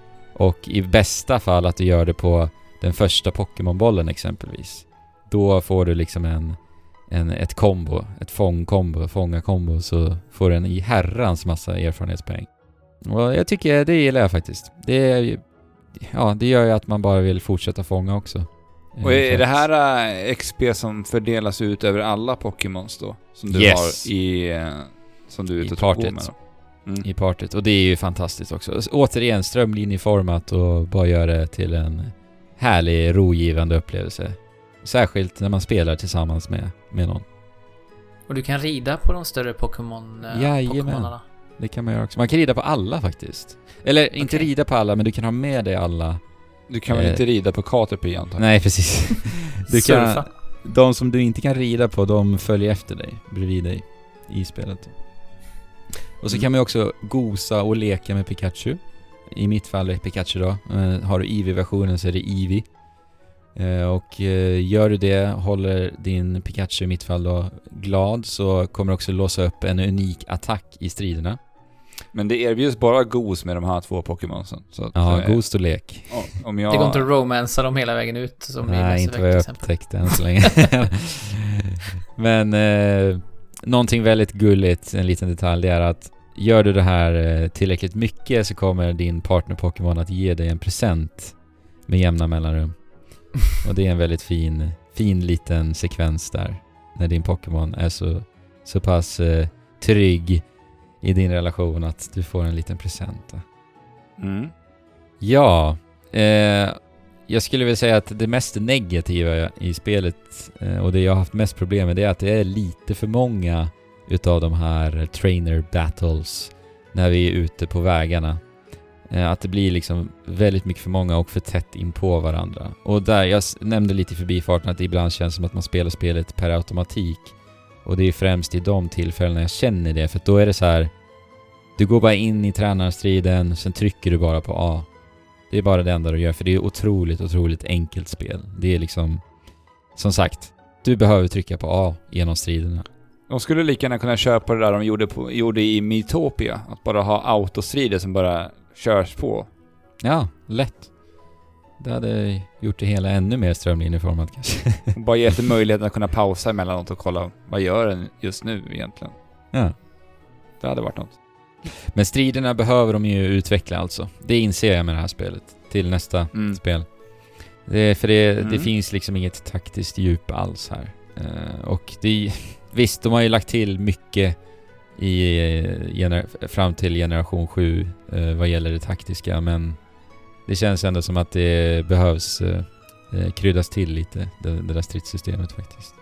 Och eh, vi... eh, Den här resan som du pratade om, som är ute på vägarna, vi checkar väl in den igen sen nästa avsnitt och ser hur det har gått och om Mm. din sambo liksom hänger i och fortfarande är insupen i den här världen. Ja, precis. Ja, vi har ju spelat drygt 20 timmar nu och klarat lite mer än halva.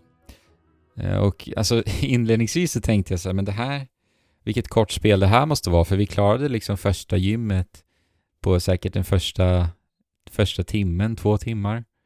Och då tänkte jag att det skulle vara samma intervall liksom genom, mellan varje gym, men det visade sig inte vara. Så nu, nu är vi uppe i nästan 20 timmar. Så det är ändå, har ändå längd också, som ett Pokémon-spel. Men och, medan eh, Filippa och du har varit och dragit runt på vägarna i Kanto-regionen så har jag och Alex gjort detsamma i en kanske något mörkare miljö, får man Ja. ändå säga. Jo, men det får man ändå säga. Vi har ju spelat eh, Fallout 76.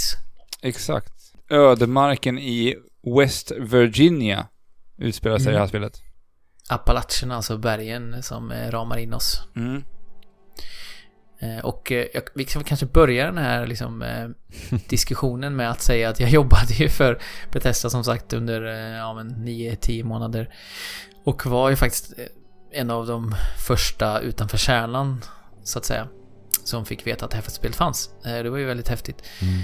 Och då, jag vet inte hur, hur mycket jag är bekväm att kritisera stora delar av spelet med tanke på att jag känner många av dem.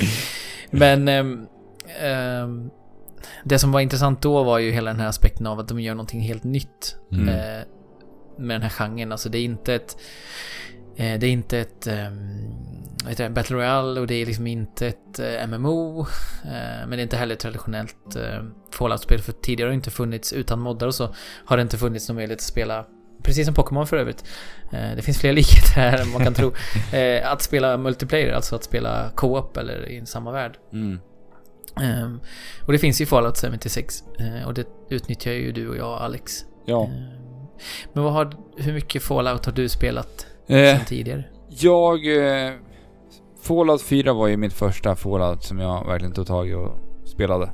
Och eh, jag fullkomligt älskade den här spelvärlden. Och det var ju mycket för dess karaktärer och historierna som skapades i den här ödemarken. Mm. Då var vi ju i Boston i det spelet. Och jag, jag, jag njöt ju väldigt mycket av de här... På samma sätt som vi pratade om Red Dead Redemption har pratat om det. Och dess alla knasiga karaktärer som bara är helt urflippade på alla möjliga sätt. Så uppskattar jag ju Fallout på samma sätt. Mm. Att det är de här händelserna som jag stöter på. De här udda karaktärerna som bara är väldigt märkliga.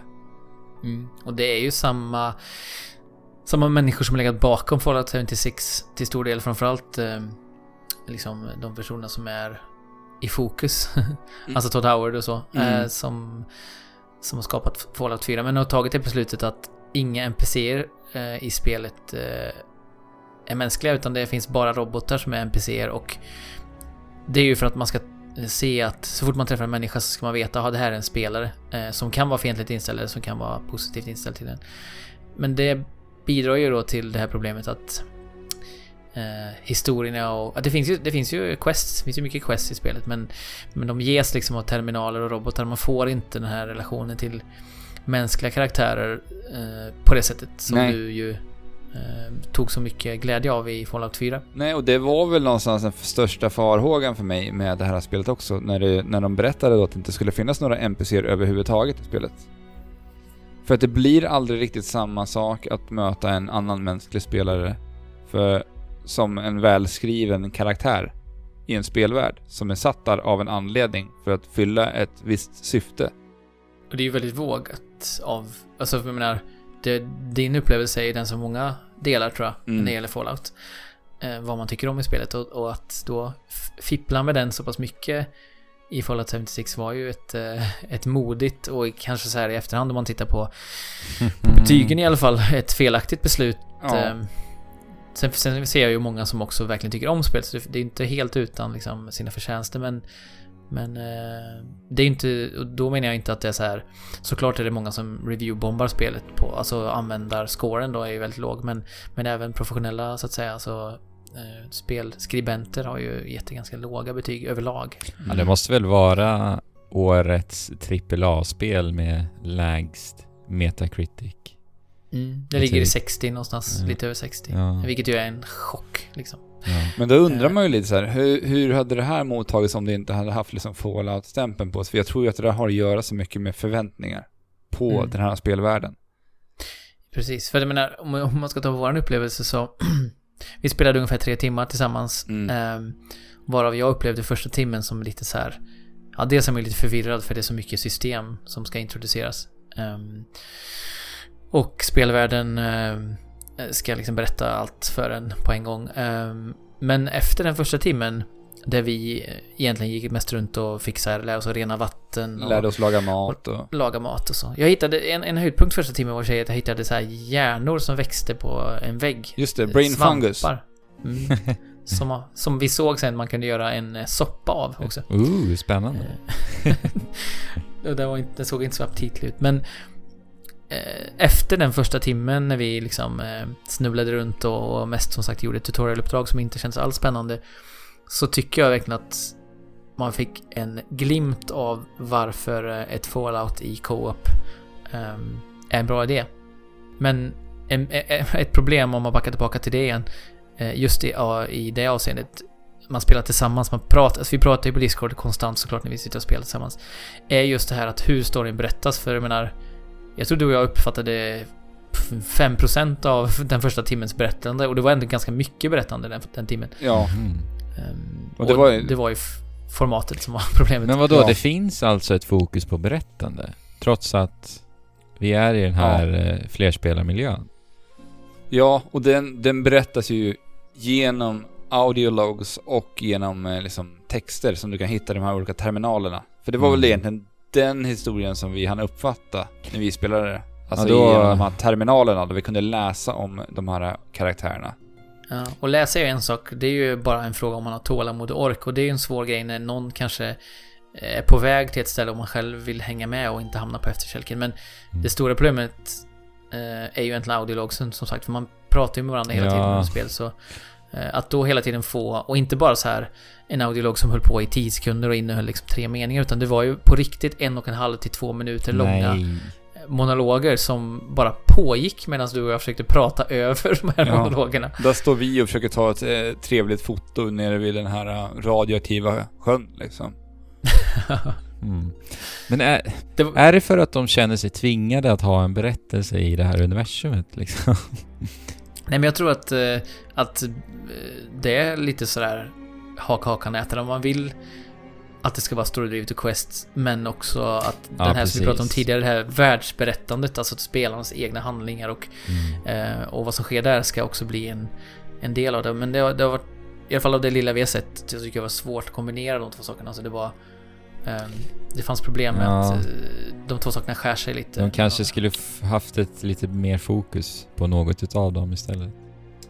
Mm.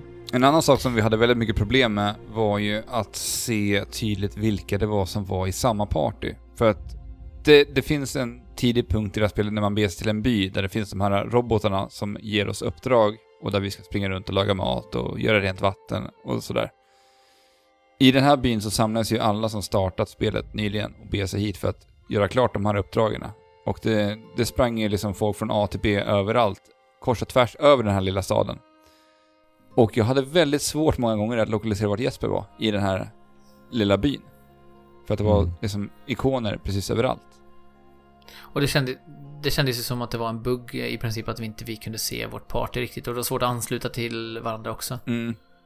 Ja, jag är förvånad att det är första gången jag hör ordet bugg nu. När ni har pratat om Ja. Fallout 76. För det är väl... Men vi eh, såg inte vi såg inte jättemånga, det var ju den här grejen då med problem med partyt också att du hade din härliga laptop moonwalk som du gjorde under en sekvens. Ja, just det, den också. Ja just det, jag såg videon på den. Och, och sen att jag, låg- precis innan du kom så hade jag slagit ner en sån här eh, muterad kossa nere i marken också. Som hade liksom trollats ner under marken och sen så helt plötsligt så flög han upp i himlen. Laptop Moonwalk. Vilket Ja. fantastiskt, vilka, vilka fantastiska två sammansatta ord. Mm. Ja men det var ju att Alex höll på och fingrade så här. eh, Hans karaktär höll på och fingrade som att han skrev på ett tangentbord med ena handen. Ja. Samtidigt så liksom var det någon slags glidanimation över marken när du rörde dig. Ja. Ja. Och det var ju ingenting som störde vårt spel utan det var ju faktiskt bara en, eh, en av höjdpunkterna i den sektionen vi hade. ja, det där blir eh, tveklöst namnet på dagens avsnitt. ja.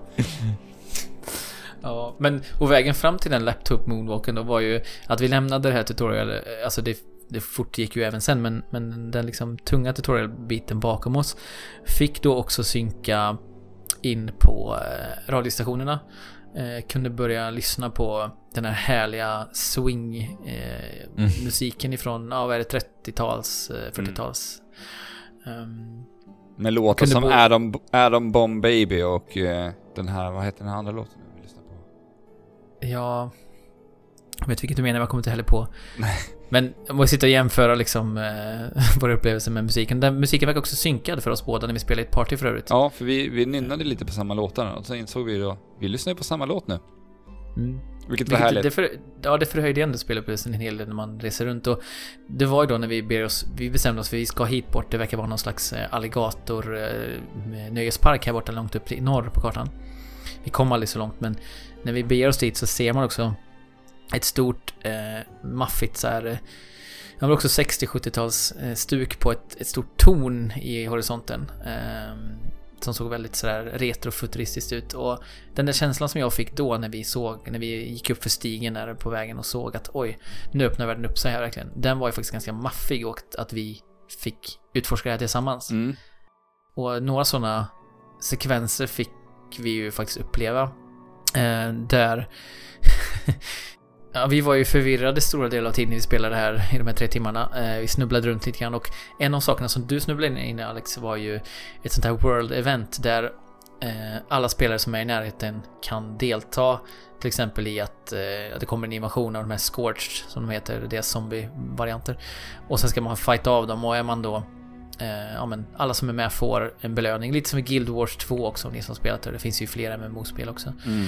Men du snubblar liksom in i ett sånt här event och plötsligt börjar välla in såna här zombies Ja. från, eh, från höger och vänster. Och, och de, säga ska ju att de här vapnen som vi har släpat med oss nu är, är ju inte speciellt kraftfulla. Alltså det är ju som ärtpistoler. Det är någon slags rör vi har fogat samman med typ eh, tejp och eh, något krut. Ja. De är inte så farliga. Nej, och det är ju det är en stark... Eh, det är ju någonting som Fallout 76 fortsatt gör bra. Alltså det här estetiken kring... Man känner sig som en så här... Eh, ja men ni vet som Ray i, i Star Wars när hon är i, i, på sin eh, planet i inledningen. Att hon liksom samlar ihop lite skräp och gör vad hon kan med det. Mm. Den känslan är väldigt påtaglig och designen är väldigt fin fortfarande i det. Mm. Man, ja, det är lite som Junkrat i, i Overwatch, man får den känslan. Ja, verkligen. Men i den här sekvensen då när, när vi snubblade in i, i zombiehorden där så plötsligt så bara ser jag någonting på himlen och jag liksom skriker till Alex. Ah, kolla en drake! Vad är det? En drake, vad är det för någonting? Så kommer det alltså en stor grö... ja, det- Jag vill minnas att det liksom osade grönt kring den typ. Jo, det, det är ju någonting ra, flygande radioaktivt, eh, radioaktiv varelse som, som vi... Ja. Du Man hör liksom vingslagen Ja. också eh, runt omkring oss. Eh, Och den var ganska nära oss till slut, men den attackerade aldrig oss. För den hade ju uppenbarligen en level som var liksom på tok för hög för oss. Eh, Ja, den cirkulerar ju lite över oss. Vi vart ju lite skraj där, samtidigt som vi har de här horderna av de här zombie-varelserna jagandes efter oss. Ja, och det tycker jag är också ett problem. Jag vet inte om det berodde på... Jag menar, jag har ju en ganska... En dator som klarar av rätt så mycket och ett bra internetuppkoppling, men striderna... Jag vet inte, det har kanske aldrig varit Fallout tycker jag heller, men det är ju... Det, det känns ju inte... Det finns ingen tyngd i striderna och det är lite flaxigt. Eh, man kan ju använda watts även i det här spelet då. Eh, Hur funkar säga- Eh, så långt som vi hade kommit så är det att man zoomar in på på en kroppsdel och det- man kunde bara välja bröstet så vitt jag förstod nu i början i alla fall. Jo, för Aha. att det, som jag har förstått det så är det det här special-systemet, det här ranking-systemet, när du levlar upp din karaktär så kan du därigenom levla upp, bero, levla upp dina skills där och låsa upp så du kan skjuta på flera kroppsdelar. Genom den. Precis, men man, man saktar ner tiden och då får en procentuell, det, det ändras hela tiden beroende på vart man befinner sig och vart motståndaren befinner sig. Mm. Får en procentchans i hur väl du kommer träffa karaktären. Mm. Lite XCOM-aktigt på något sätt. Jo, precis. Okej, men, och vätsen eh, gör ju mer skada dessutom än en vanlig träff. Men hur... Vadå sakta ner tiden? För spelarna rör ju sig i realtid eller? Ja, vi har bara provat det här mot eh, Ah, Okej. eh, PVE, vi har inte provat PVP än. I Nej, alla fall jag hann inte prova PVP, jag tror inte du har gjort det Alex. Nej. Då förstår jag. Så att det är lite oklart än så länge hur det kommer funka mot, mot Mm, andra ja. mänskliga motståndare. Men du nämnde det här systemet också um, Alex, det är ju ett kortsystem som Mm. man använder för att levela upp sina olika skills och det, det är uppdelat i enligt eh, till exempel strength och agility och karisma och så vidare och luck. Ehm, och sen får man då, när man levlar så får man kort, så här booster packs, ungefär som Pokémon-korten vi pratade om tidigare. Mm. Eh, och så får man lite olika saker man kan använda och det är inte, jag märkte i alla fall inte av några consumables utan det är ju liksom permanenta uppgraderingar på dina olika eh, områden. Jo. Eh, Men känner ni att kort har någon kontextuell liksom koppling till den här världen? Eller blir det det här platta? Att det bara är kort? det är lite märkligt att det finns nyproducerade kort i paket, det är lite konstigt på Ja. ett sätt. Eh, Men de gör det ganska bra för att det är ju liksom såklart det här hela, hela Pip-Boy eh, eller Pip-Boy säger Voltboy-designen på dem. Ja. Eh, Och väldigt mycket charm i dem. Sen får man också en liten så här, ett litet, eh, vad var det, dagens vits typ i varje paket. Var det så? Okej. Ja. Eh, Ett litet skämt i varje, på en liten lapp. Så att man får ju känslan av att det är ett sånt här filmstjärnepaket eller tuggummi-paket eller så här. Ja, men det är... Man får en... Ja, men det är lite märkligt som sagt när man tänker på att det finns en himla massa kortpaket liggandes som är liksom orörda av kärnvapenkatastrofen på något vis. Men... Mm. Men jag, jag har i alla fall en sak som jag ändå varit överraskad inledningsvis i Fallout 76 och det är eh, den ändå ganska stora variationen i eh, djurlivet i det här spelet. För att eh, det känns som att de har lagt ganska mycket mer krut på gentemot hur det var i fyran. För där, var det, där såg jag inte den här stora bredden av olika djur under, jag vet inte hur många timmar jag spelade Fallout 4. Men här har vi alla möjliga typer av knasiga muterade varelser. Mm. Muterade rådjur och tvåhövdade kossorna, de här råttorna och Jaha. mullvaderna. Och eh, vad heter det, sån här... Eh, eh, vad heter det? Som man är rädd för på sommaren när man går i höggräs. Fästingar. Fästingar. Radioaktiva fästingar. Ja. I storleken av en stekpanna liksom. Ja. Vadå, på riktigt? Ja, ja. ja det var Åh, det första djuret jag träffade på i spelet. Jag avskyr fästingar verkligen. Men det, det är jag nog inte ensam om här i Sverige. Radioaktiv fästing tänkte det är. Ja, Också i tiodubbel storlek eller mer. det kanske är förlösande att spela spelet då i och för sig.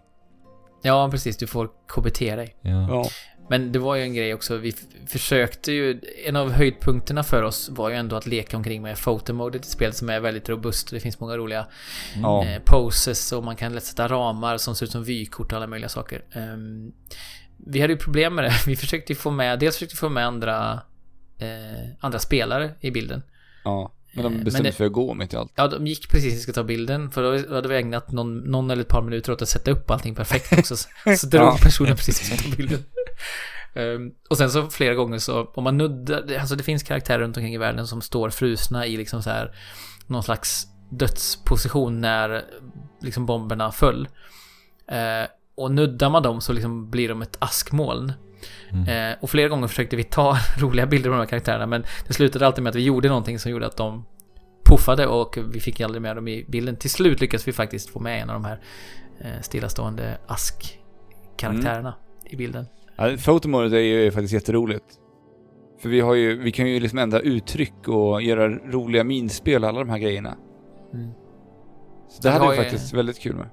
Ja, vi har ju en bild där du attackerar med min yxa bakifrån och jag står och gör tummen upp men ser samtidigt skräckslagen ut eller förvånad. Ja.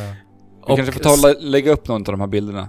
Ja, vi har också släpat på ett, eh, en vykortsram där det står “Welcome to West Virginia” eh, liksom runt det här fotot så att... Ja, just.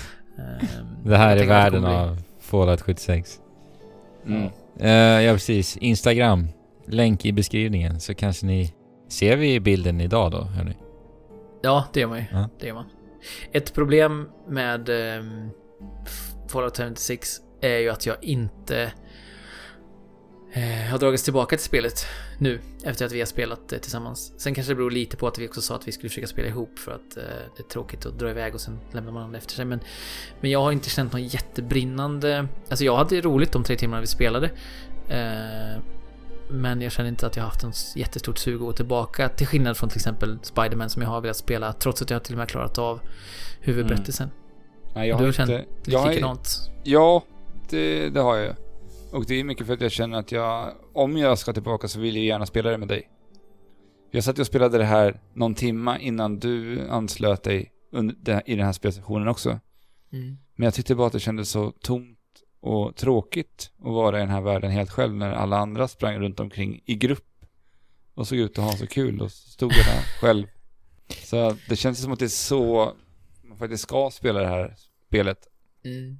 Ja, och just Precis. att du, som du säger, att du inte kan få det du tyckte om med Fallout 4 än Mm. som du spelar själv heller, just för att, ja, eh, NPCer är, eh, ja, de är borta i detta spel. Men jag tror Ja. väl det, det, ska, det är väl så det här spelet kanske ska spelas. Nu har vi inte ut, utforskat eh, basbyggande nästan någonting, vilket ju är en jättestor del av spelet också. Eh, men jag tror att som en roadtrip tillsammans och upptäcker den här världen och alla, det finns ju en hel del bossar och sådana saker och man kan leta efter kärnvapenkoder och så. Jag tror den här upplevelsebaserade stilen i grupp tror jag verkligen är det som gynnar spelet. Alltså jag skulle ju verkligen vilja bege mig upp till den här alligatorn någon gång. Vi kom ju aldrig dit, som, som Nej. sagt. Jag tycker det får bli ett, eh, ett löfte till podden här att vi någon gång ska, åtminstone om inte annat, eh, med Fallout 56, komma till den här alligatorn och se vad som döljer sig bakom Och det blir eh, dess- vårat mål med det här spelet. Ja, Ja, precis. det kanske är bra att sätta upp mål med det där spelet. Jag tror det. Och som sagt, åtminstone ger det den, den möjligheten för det känns som att vi har inte spelat tillräckligt mycket faktiskt för att ge ett slutgiltigt omdöme. I alla fall inte jag. Nej. som. Mm, Men samtidigt har jag inte varit som sagt så himla eh, brinnande intresserad av att gå tillbaka heller. Så att som sagt ett mål kan vara det som krävs här. Mm. Mm. Det kan vara den alligatorn alltså. Ett, ett spel till eh, innan vi hoppar in i, i diskussionen vi har satt upp för dagen. Mm. Och det är att jag har äntligen eh, fått lägga vantarna på Tetris Effect. Ja. Jag har ju hört mycket om spelet via, jag lyssnar ju väldigt eh, flitigt på 8-4. Det är ju en podd från... Eh, eh, Från. Japan får man väl Ja, säga. precis. Ja. Ja, de sitter i Tokyo, ett gäng amerikaner och, eh, ja, inte bara amerikaner utan även eh, britter, men mestadels amerikaner och eh, jobbar då på eh, lokalisering av spel. Eh, Mm. Från japanska till engelska och vice versa. Det är de som står de- för bland annat de fantastiska kattpansen i Monster Hunter-serien. ja, precis. Ja, de är ju, alltså de är ju en maktfaktor i spelvärlden på ett ganska tillbakadraget sätt. För Mm. många av de så här, bästa lokaliseringarna från Japan till England är ju 8-4 som står bakom och Mm. de är väl inblandade i Nier och Automata till exempel. Och, Just det, det var de också.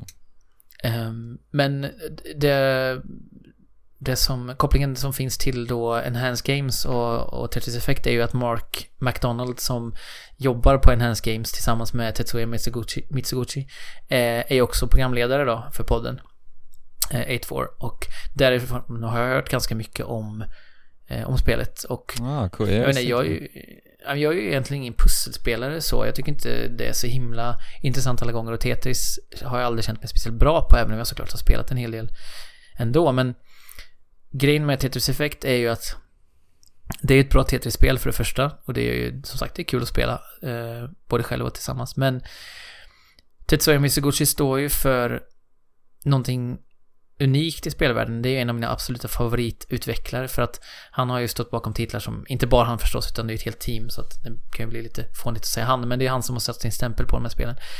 Eh, och det är ju Lumines till exempel, Mm.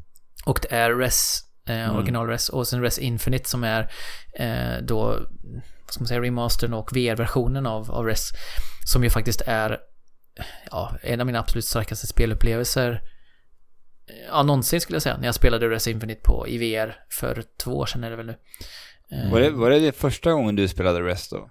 Mm, jag har alltid varit väldigt nyfiken på spelet eh, sen det släpptes egentligen, men jag har aldrig kommit mig för att spela det.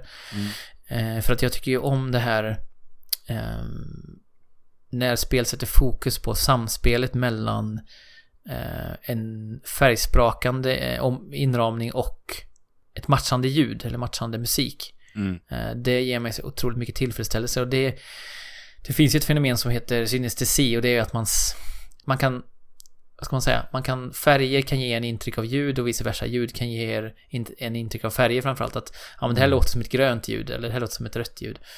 Eh, Och det blir liksom en, som att synapserna i hjärnan liksom kommer samman. Det blir lite, kan jag tänka mig, som jag aldrig använt några droger och kommer nog aldrig göra det heller, men det kan tänka mig att det blir lite som en sån effekt hos människor som tycker om den typen av, av liksom, eh, eh, upplevelser. För att det blir mycket större än summan av delarna på något sätt. Man får en, eh, en euforisk upplevelse av att ljudet eh, pulserar samtidigt som handkontrollen pulserar i olika, eh, med olika intensitet. Och du samtidigt blir bombarderad av massa sinnesintryck eh, i VR-glasögonen då. För, alltså utan att det känns, upplevs som eh, vad ska vi säga, utmattande eller, eller Mm. störande, På- utan det blir bara en, Mm. ja, påfrestande precis, det blir bara en, en helhet som känns i hela kroppen. Alltså det blir som att, ni vet, om man är hungrig och så tar man typ någonting sött, alltså man käkar typ en chokladbit när man är hungrig. Kroppen bara så här, det bara flödar Ja. ut endorfiner i hela Mm. kroppen. Mm. Eller när man har tränat eller vad det kan tänkas vara. Den känslan får man när man spelar Mitsugushis spel överlag. Och inte minst då Tetris Effect som blir det här eh, man är otroligt innesluten tack vare VR-glasögon. Man kan ju spela här utan VR också, vilket jag har testat lite grann. Men för det syftet som jag har liksom dragit till det här spelet så är det ju ehm, att få vara mitt i den här explosionen av Ja, av jäklar. intryck. Ja. Men, men hur, hur mycket skiljer det sig rent eh, att spela det här spelet i VR och att spela det på skärmen? För jag är ju verkligen superintresserad av det här spelet också.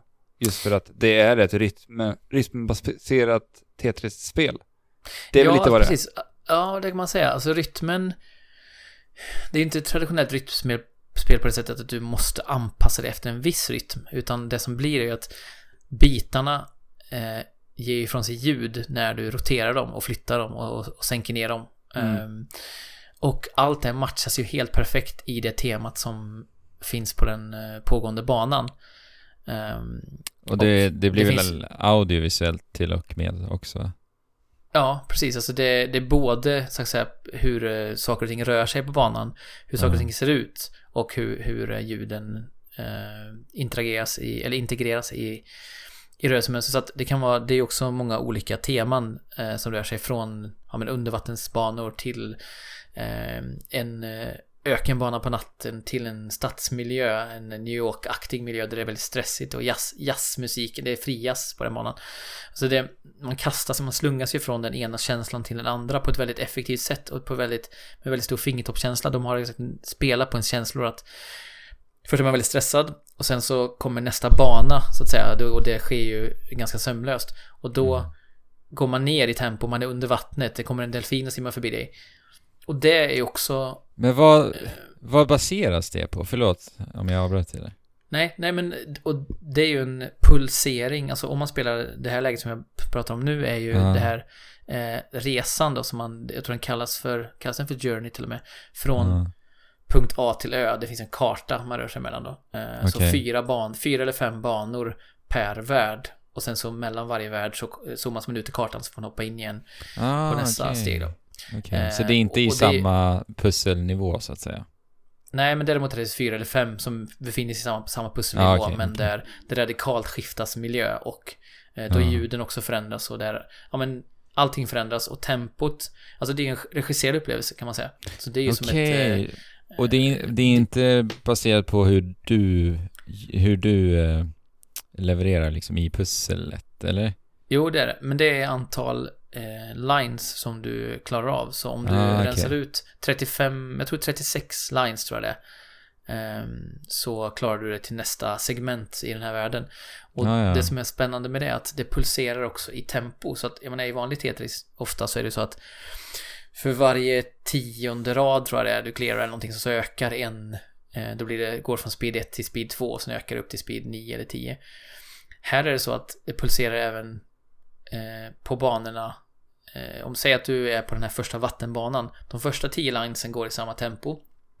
Väldigt avskalat. Du hör kanske bara små bluppande ljud när du flyttar dina eh, bitar. Sen Mm. läggs det på ett par mönster både i form av ljud men också i form av kanske att handkontrollen börjar pulsera svagt. Och då ökar tempot lite grann för att du känner att intensiteten plockas upp. Vad och, sen, sen, ja, och sen kanske det kommer en sänkning igen. Eh, för att stegra upp till en boss så att säga. Och bossen består ju bara av att bitarna börjar falla i liksom ryslig takt plötsligt. ja, Ehm, just det. Och då måste du överleva de här 10 linesen eller vad det är för att ta dig till nästa eh, Mm. segment på den här banan som kanske är lugnare igen. Så att de har ju verkligen regisserat och det är väldigt många gånger jag har suttit med andan i halsen och precis klarat av eh, det här liksom ehm, den här passagen, den här bossen för att sen komma ner i en bli invaggad i en skön härlig rytm. Jag får vila i ett par minuter. Det, ja, det är verkligen Mm. imponerande hur de har ehm, de har byggt ett, ett linjärt pusselspel på något väldigt märkligt sätt. Eh, Men lämnat utrymme förstås för att det inte, som sagt, det sker inte på, ja men efter två minuter och 42 sekunder så sker det här. Utan Nej, det beror på din precis. prestation ändå fortfarande. Shit. Men, men, det, men det är så pass stor variation på de här banorna så att du ändå känner dig motiverad och sugen på att sitta och köra bana efter bana, att den blir så tydlig. Ja, jag tror att jag skulle kunna spela det här spelet i en eller två sittningar om jag bara fick chansen. Och då är det ändå säkert flera timmars speltid. Men, Ja. men jag har inte kunnat få den möjligheten. Men det gjorde jag med Resi. Jag spelade Resi i tre timmar tror jag, eller någonting sånt i sträck, Infinity i VR då, innan jag klarade av det. Och det, det är ju så, varje bana är ju unik. Så att det, hittills har det inte upprepats någonting och jag tror att det finns ju säkert, jag vet inte vad jag ska gissa på, men kanske ett 40-50-tal sådana här mindre segment där man ska klara 36 lines. Så att, och varje är ju verkligen en ny upplevelse i både form av det visuella och det auditiva. Så att det är ju en motivering i sig att, att klara, liksom, att spela single player Tetris genom en, en, en värld. Det, Och det har jag aldrig det låter upplevt så förut heller. Det låter så himla häftigt Ja. här. Jag blir så otroligt det sugen på det. häftigt. Ja, Alltså, och det, det är eh, verkligen det. Jag har ju Fabians PSVR fortfarande hemma hos mig. Borde koppla in den där rackaren igen, känner jag. Ja, och hittar du de här 300, vad är det kostar, 380 kronor eller vad det nu är. Eh, så, ja, det är välinvesterade pengar i, i spelåret 2018. Alltså jag, nu har jag bara spelat spelet i kanske, kan det vara fyra timmar eller någonting sånt där. Men jag, jag tror, som det känns redan nu, att det kommer komma väldigt högt upp på min lista över de spel jag har tyckt mest om i år. jag, jag tycker det är så himla häftigt att det här spelet har ju, vi har ju sett att det här blir så otroligt hyllat. Många som har sagt att det här är det bästa Tetris som har gjorts sedan original-Tetris. Mm. Och att ta ett så himla välbekant spel och bara göra så mycket nytt, spännande och intressant med det. För att som Ja, du säger, alltså- jag, du säljer ju in det här äh, stenhårt Ja. för mig nu. Jag var ju, jag var ju sålt såld, jag var ju såld redan bra. innan, men äh, det här, Ja. ja nu måste jag ha Tetris-effekt. Ja. Ja, men det, jag känner så. Det här är ju, om man jämför med Fallout som vi pratade om tidigare. Det här är ju verkligen ett spel som jag tänker på. Ni vet hur det är. Alltså man tänker på ett spel nästan hela tiden när man inte spelar det. Mm. Ehm, och, och det är helt märkligt som du säger. eh, att Alex, att eh, eh, få spela ett Tetris-spel som ger en den här liksom, känslan som man normalt sett bara får för liksom Ja men ett spel med kanske en tung story eller en, en väldigt avancerad mekanik eller någonting annat som drar in. Men det här är liksom Tetris. Men Ja. men det är, men det är inte bara mekaniken utan det är också det som man kan se kanske som lullor runt omkring som verkligen inte är det utan som är en, en central del av upplevelsen som, som liksom Mitsuguchi är eh, han är ju liksom en konstnär eh, Mm. som har en unik känsla för hur de här olika delarna av upplevelsen ska komma samman på ett perfekt sätt för att ge en den här ja men som sagt en, en liksom euforisk känsla när man spelar spelet Ehm, och sen, sen tror jag att när man har spelat klart den här resan då kanske det är läge att spela spelet i 2D för det blir mycket skarpare i 2D. Det är ju det här problemet att PS4 har ganska låg upplösning och så. Ja, just. Eh, inte för att jag bryr mig speciellt mycket om det när jag är inne i sluten i världen men sen finns det ju då en himla massa olika varianter som man kan köra. Tetris Effects heter väl de Effects heter väl de eh, lägena. Eh, där det kan vara så här, men spela, få så många poäng som möjligt på, på tre minuter eller eh, spela med den här speciella förutsättningen och de känns också ganska Alltså det är inte så här bara slentrianmässigt ihopkastade lägen utan de känns också som att de utnyttjar det här unika estetiken. Alltså det blir en del, jag menar vissa banor har bara stålgrå bitar liksom. Det blir en ganska stor skillnad mot att spela banor som har distinkt olika färger på sina bitar.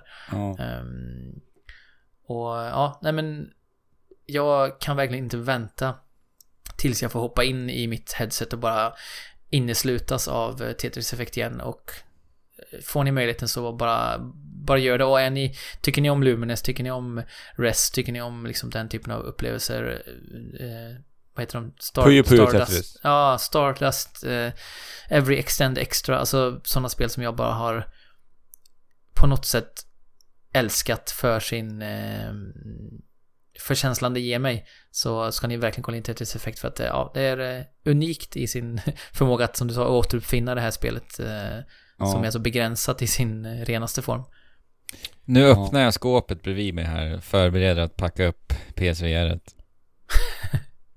Jag tar, jag tar det som en, eh, ett gott tecken på eh, att mina ord har nått hem. Det har det. Utan tvivel. Alltså, häftigt att du nämner det här, för att det här går ju egentligen lite in i veckans diskussion, måste jag väl ändå säga. Ja, precis.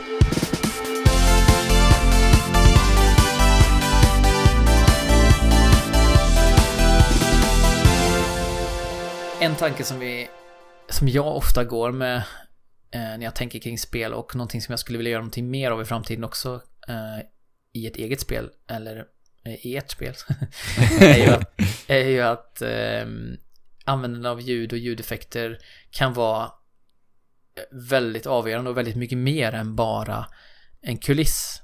Mm. Ehm, utan faktiskt bidra till spelkänslan och, och nästan till, vad ska vi säga, att det känns i, in i fingrarna i, när man håller i handkontrollen. Mm. Så veck, veckans diskussion är ju egentligen, jag var nyfiken på vad, är, vad era favorit ljudbilder eller användande av ljudeffekter och musik i spel är. Och Mm. varför? Har ni sån här, har ni någon sån här, när jag spelade det här spelet, så den här detaljen i spelet. Jag kom faktiskt att tänka på en sak eh, nu som jag inte, som jag inte har tänkt på i, på ett bra tag faktiskt. När du satt och pratade om Tetris Effect och hur, hur ljud används i spel. Och det är ett spel som faktiskt aldrig släpptes. Ja, just Som det. jag- Som Just jag och det. Andrew såg för väldigt många år sedan på något SVT-inslag. Och Ja. det är ett spel som hette, som hette The City of Metronome.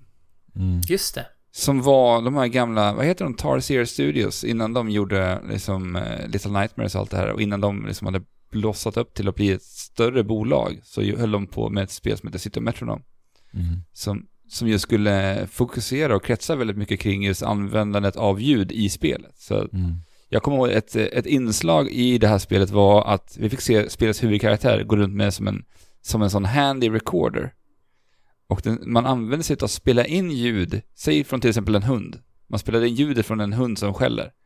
Och i den här recordern i spelet så kunde du alltså förvränga och pitcha och ändra ljudet. Och det här äh, användes då i ett äh, äventyrsspelskontext. Mm. Så att du behövde spela in ljudet från den här hunden, pitcha ner hundens skällljud så att det låter som ett monster för att skrämma bort en vakt. Det är ju supersmart. Ja, Det är också förvånande att inte fler spel använder ljud som en spelmekanik. Ja, verkligen. alltså. För jag menar, det finns ju hur mycket outforskad potential som helst i det jämfört med andra aspekter som är ganska utgrävda vid det här laget. Ja, alltså ljud och musik är ju så otroligt, otroligt unikt i spelens kontext alltså. Det, det, det, är ju det är ju nästan exklusivt för spel, alltså vad man kan göra med det i spel. Eller det är det, helt enkelt. Alltså just att, eh, att man använd, kan använda det för att eh, förstärka känslor som spelarna ska eftersträva eller att eh, vägleda spelare rent av också. För det, Ja, precis. för det är just det här, Förlåt. ja men just hur, hur musik och ljud dynamiskt kan eh, reagera på vad som händer i spelet och att det anpassar sig efter det. Det här klassiska exemplet på det är ju i egentligen valfri AAA eh, skjutarspel är ju det här, när det är strid så har vi någonting väldigt pumpande som spelas och sen när striden är över så så fadas liksom den här musiken ut och det blir lugnare istället. Det, det är ett väldigt klassiskt exempel som är väldigt, väldigt använt. Ja, och det är också ett sätt, eh, som du sa, som att förmedla information. För det har jag upplevt i Spiderman Mm. väldigt ofta, att det är mycket karaktärer runt omkring en hela tiden. Och det är både eh, liksom NPCer som är kanske poliser och bovar samtidigt. Så man, det är lite svårt ibland att upptäcka, hur, har jag några kvar nu som jag måste slå ut? Och då är ja, musiken den främsta verktyget jag alltid använder för att höra, nej okej nu, nu börjar musiken tona ner, okej men då, är jag, då har jag hittat alla. Ja, Så det precis. kan ju, det kan ju ge information, men det, det är ju någonting som Blizzard är otroligt bra på. Inte minst i Overwatch som jag har spelat i, vad är det, 150 timmar kanske, någonting sånt där. Mm. Där ljuden hela tiden berättar för mig vad som händer, inte bara i form av så här eh, berättarröst, alltså det finns ju speakerröst alltid i de här spelen som berättar om vad som händer, att någon är på väg att ta ens zon eller om payloaden behöver flyttas framåt eller vad det än är. Men, men också vilka karaktärer som jag ännu inte ser på skärmen som jag hör finns. Att till exempel motståndarnas... Det, Ja. Man kan ju gå så långt som till att lyssna på, om man är i en korridor så hör man att det kommer någon springande så kan man ju veta vilken karaktär eh, som man kommer att möta och förbereda sig ta eh, taktiskt för det. Ja, till exempel man hör McCree sporrar på hans stövlar och så. Mm. Ehm, och det är ju en sak att förmedla information men också ge känslan som du sa, som i Overwatch, att när man skjuter på en motståndare så ger det ett väldigt Mm. tillfredsställande ljud. Både när man krittar, träffar liksom eh, hårt så att säga. Eh, då pingar det ju väldigt härligt. Ja, och precis. Annars låter det ju så här... och det är lite dova ljudet liksom. Mm. Ja men exakt, Så, vi, för vi nämnde det lite snabbt förra veckan också när vi pratade om vad som gör spel kul. Och det är just det här spelkänslan som är en del av det. Och ljud är ju otroligt jädra viktigt där alltså. Ja. Och jag, jag tänker också på, på Super Mario såklart. Super Mario är ju typ besatta av det här Nintendo då såklart. Eh, för Mm. de har ju så många exempel på det. Du nämnde ju lite i, i förbifarten förra veckan det här när Mario dyker under vatten. När musiken dynamiskt ändras och blir lite mer svepande i, i känslan. Och sen Mm. så har vi ju i senaste Odyssey finns det ju en herrans massa exempel. En av favoriterna är ju när vi besätter de här elledningarna med Cappy. Mm. Mm. Då ljudeffekten och ljuden som det, som det gör ifrån sig när vi åker i de där elledningarna. De anpassar ju sig till tonarten i musikstycket som spelas i riket Mm. som du befinner dig i. Och det är ju en Och- sån här detalj som jag bara tokälskar alltså. Och du kan ju också, eh, genom att liksom åka fram och tillbaka så kan du också manipulera hur ljudet låter. Ja, precis. Eh, ja, nej men det är väl Nintendo är som du säger mästare på det. Det slår mig att det kanske är de stora anledningarna till att jag alltid uh, känner så varmt för spelen. För att Mm. man, man blir liksom in bäddad i en, en ljudbild som bara gör att man bara mår bra. Alltså man känner bara att Ja, det här är en värld som jag vill befinna mig i och bara, och, och, bara vara här. och lekfullhet. Och alltså det är verkligen det. Och det bidrar också till den här känslan av att det är kul tycker jag. Det blir, Mm. liksom en lekstuga även här i musiken. Så. Ja, en annan känsla som jag ofta eftersträvar i musik och ljud är ju att det får mig att känna mig häftig eller att spelet känns coolt för att det använder sig av ljud på ett dynamiskt sätt. Ehm, den, den liksom eh, sinnebilden jag har av det här är ju SSX Tricky som jag har spelat extremt mycket. Ja, Eh, just det. och det spelade på GameCube, kommer jag ihåg. Ja. Och då är det ju en effekt av att när man hoppar genom luften, man kanske kommer in för ett big jump, satsar och sen så hoppar man och svävar genom luften.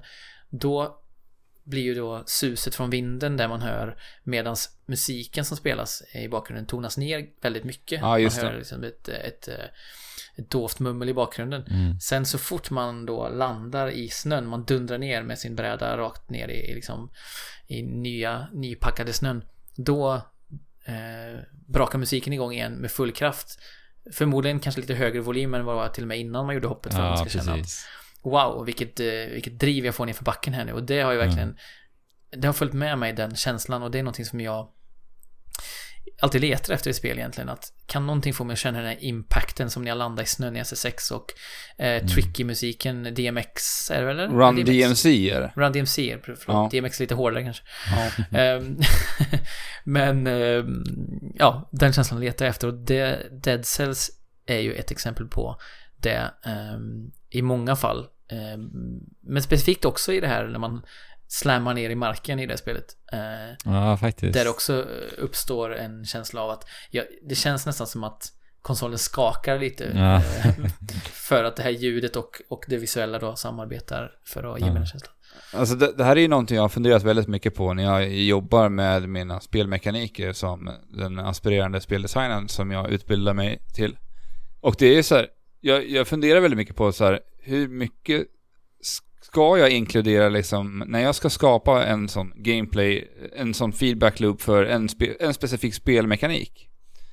Så är det ju, känns det så himla, för mig så kan det som du sa, som ni nämnde där, att eh, en spelmekanik kan bli så förstärkt av, lite, eh, av ett visst ljud. Det kan stärka känslan av någonting. Och det Mm. tänker jag ofta på så att den, ibland så kan ljud lyfta något så väldigt mycket. Att jag känner att det här är liksom, det här är väldigt hög prioritet på för att den här spelmekaniken ska kännas så som jag vill. Och det Oh, märker ja. man väldigt tydligt när jag sitter och testar de här grejerna och jag inte har ljudet och jag kanske inte har den här eh, animationen på kameran som ska ske när jag träffar, när min karaktär gör ett specifikt hopp till exempel. Mm. Alltså det blir jag, väldigt tydligt. jag har ett jättebra exempel på det där. Och det är återigen Super Mario och eh, även till och med senaste Odyssey. Och det är ju den här, alltså för de som inte vill ha någon spoiler för någon eh, eh, fiende som vi besätter i, i Super Mario Odyssey så får man väl hoppa fram en, en sväng. Men det är ju den här Wigglern ifrån The Lost Kingdom. Mm. Och det är ju en, ja vad ska vi säga, en larv som man besätter. Eh, och det är en larv som vi kan då eh, dra oss ut. Eh, vi håller in en knapp så drar vi oss ut likt ett dragspel med den här larven. Och då är, då är det då också ljudet utav ett dragspel som spelas upp när vi drar oss ut med larven. Och jag Mm, menar. Mm. hade inte det varit där, hade inte vi haft den detaljen att det blir den här dragspelsmusiken när du drar dig ut med den här larven, då hade ju inte den, den eh, Nej, men fi, fienden mekaniken varit... hade inte känts, li- det hade inte Nej. känts lika bra. Och det där är en av mina favoritfiender att besätta i det spelet till och med. För jag tycker det Mm. bidrar otroligt mycket.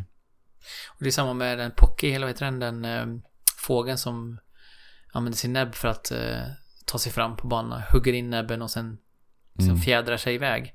Det är också både när man pickar in sig och ploinget som blir när man hoppar Mm. iväg är också en sån där grej som gör att det blir så mycket roligare att spela den karaktären än vad det hade Mm. varit utan så eh, som fingertoppskänsla i designen. Ja, precis. Och just med wigglern också att, att det blir ju som att du spelar ju en del av musiken som spelas. För att självklart så är ju dragspelet som spelas upp eh, i tonart till musiken på banan och sådär också. Så det, ah, det är så snyggt. Det är så snyggt gjort.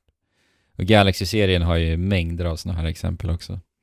Som nog också har återanvänts mycket i Mario-spel. Jag tänker ju på de här noterna framförallt som man plockar upp. Eh, och så spelas då eh, en del av musiken upp när du plockar upp en not. Plockar du inte upp not, då är det helt tyst. Så du spelar liksom musiken samtidigt som du plockar upp noter och så. Mm. Och sen... Eh, minns jag fel, men jag minns, vill minnas också att när man har fångat alla noter så kan musiken komma igång så att säga. Den, den Ja, musikstycket man spelade. Ja, exakt. Eh, Som att du har, har satt ihop det här stycket så att säga. Mm, exakt. Ja. Eh, och det är väl också en, detalj, en, en liksom nyckeldetalj i det här att det, att det inte känns som ett ljud som spelas upp när du gör en handling utan att du, det är ett ljud som du skapar i Mm. världen själv. Att det är du som, ja. jag menar, ja, Och det ser vi ju Det- exempel på i Zelda också, Breath of the Wild Ja. senast. precis vad jag skulle, Divine Precis vad jag Beasts. skulle säga, att- ja. Ja, vad tänkte du på där? Ja, i Divine Beasts, just det här, vi har de här stationerna man ska lokalisera och eh, aktivera i Breath of the Wild, eh, grottorna Divine Beasts. Och för varje station så lägger de ju till ett lager i musiken. Så att eh, musiken som spelas när du hoppar in i en Divine Beasts är inte densamma när du är precis eh, in till dörren där bossen gömmer sig så att säga. Så. Och det tycker jag också är väldigt häftigt för att det det bygger ju upp en väldigt sån här eh, episk känsla på ett sätt. Som du återigen är med och bygger upp också. Ja, just eh, soundtracket till Breath of the Wild har ju, eller spelet överlag har ju delat eh, känslor lite grann på det sättet som världen presenteras. Att, att det är ganska tomt. Mm. Eh, eller en del, en, en del har uttryckt det som att det är tomt och öde på ett negativt sätt. Eh, Medan jag tycker att hela postapokalypsen och känslan i den är ofta rörande, eh, ibland läskigt, väldigt ofta vacker. Alltså det, den, den inbringar så mycket känslor och musiken är ju också väldigt avskalad i spelet. Mm. Eh, inte minst det här huvudtemat, eller man ska kalla det, när man är ute och rör sig på fälten. Där det bara plinkar ett ensamt piano. Precis. Och det är, jag tycker att det, det är ett exempel på hur eh, ljudeffekter och musik kan lyfta känslan till en helt ny nivå. Hade det varit traditionell eh, melodiös Zelda-musik där så tror jag att känslan av världen inte alls hade gått fram på samma sätt som Nej. man får den här lite eh, jag vet inte, det är lite melankoli fast på ett vackert sätt ändå i musiken hela tiden. Eh, Mm. Ja, precis. Det är, det är som att musiken är trasig på ett sätt, precis som Hyrule också är i, i Mm. det spelet. Men sen också, jag tycker Precis. att den här tystnaden i Breath of the Wild är ju också, i- eller gör ju också att spelet i stort hjälper spelaren att dra oss till platser. För det, och det får också i sin tur spelet att kännas lite mer kompakt. Jag tänker ju på Cass exempelvis, som står och spelar dragspel på, på eh, sina platser. Och då hör du ju hans dragspel och då vet du nu, vänta, han är här någonstans inom räckvidd. Och likadant Mm. med stallerna och Exakt. eh, sånt där. Stallen är ju det som, jag menar, ofta, speciellt i början av spelet så känner man sig ganska utsatt och lite så här, man är ute i en värld och det regnar och det åskar och man är själv.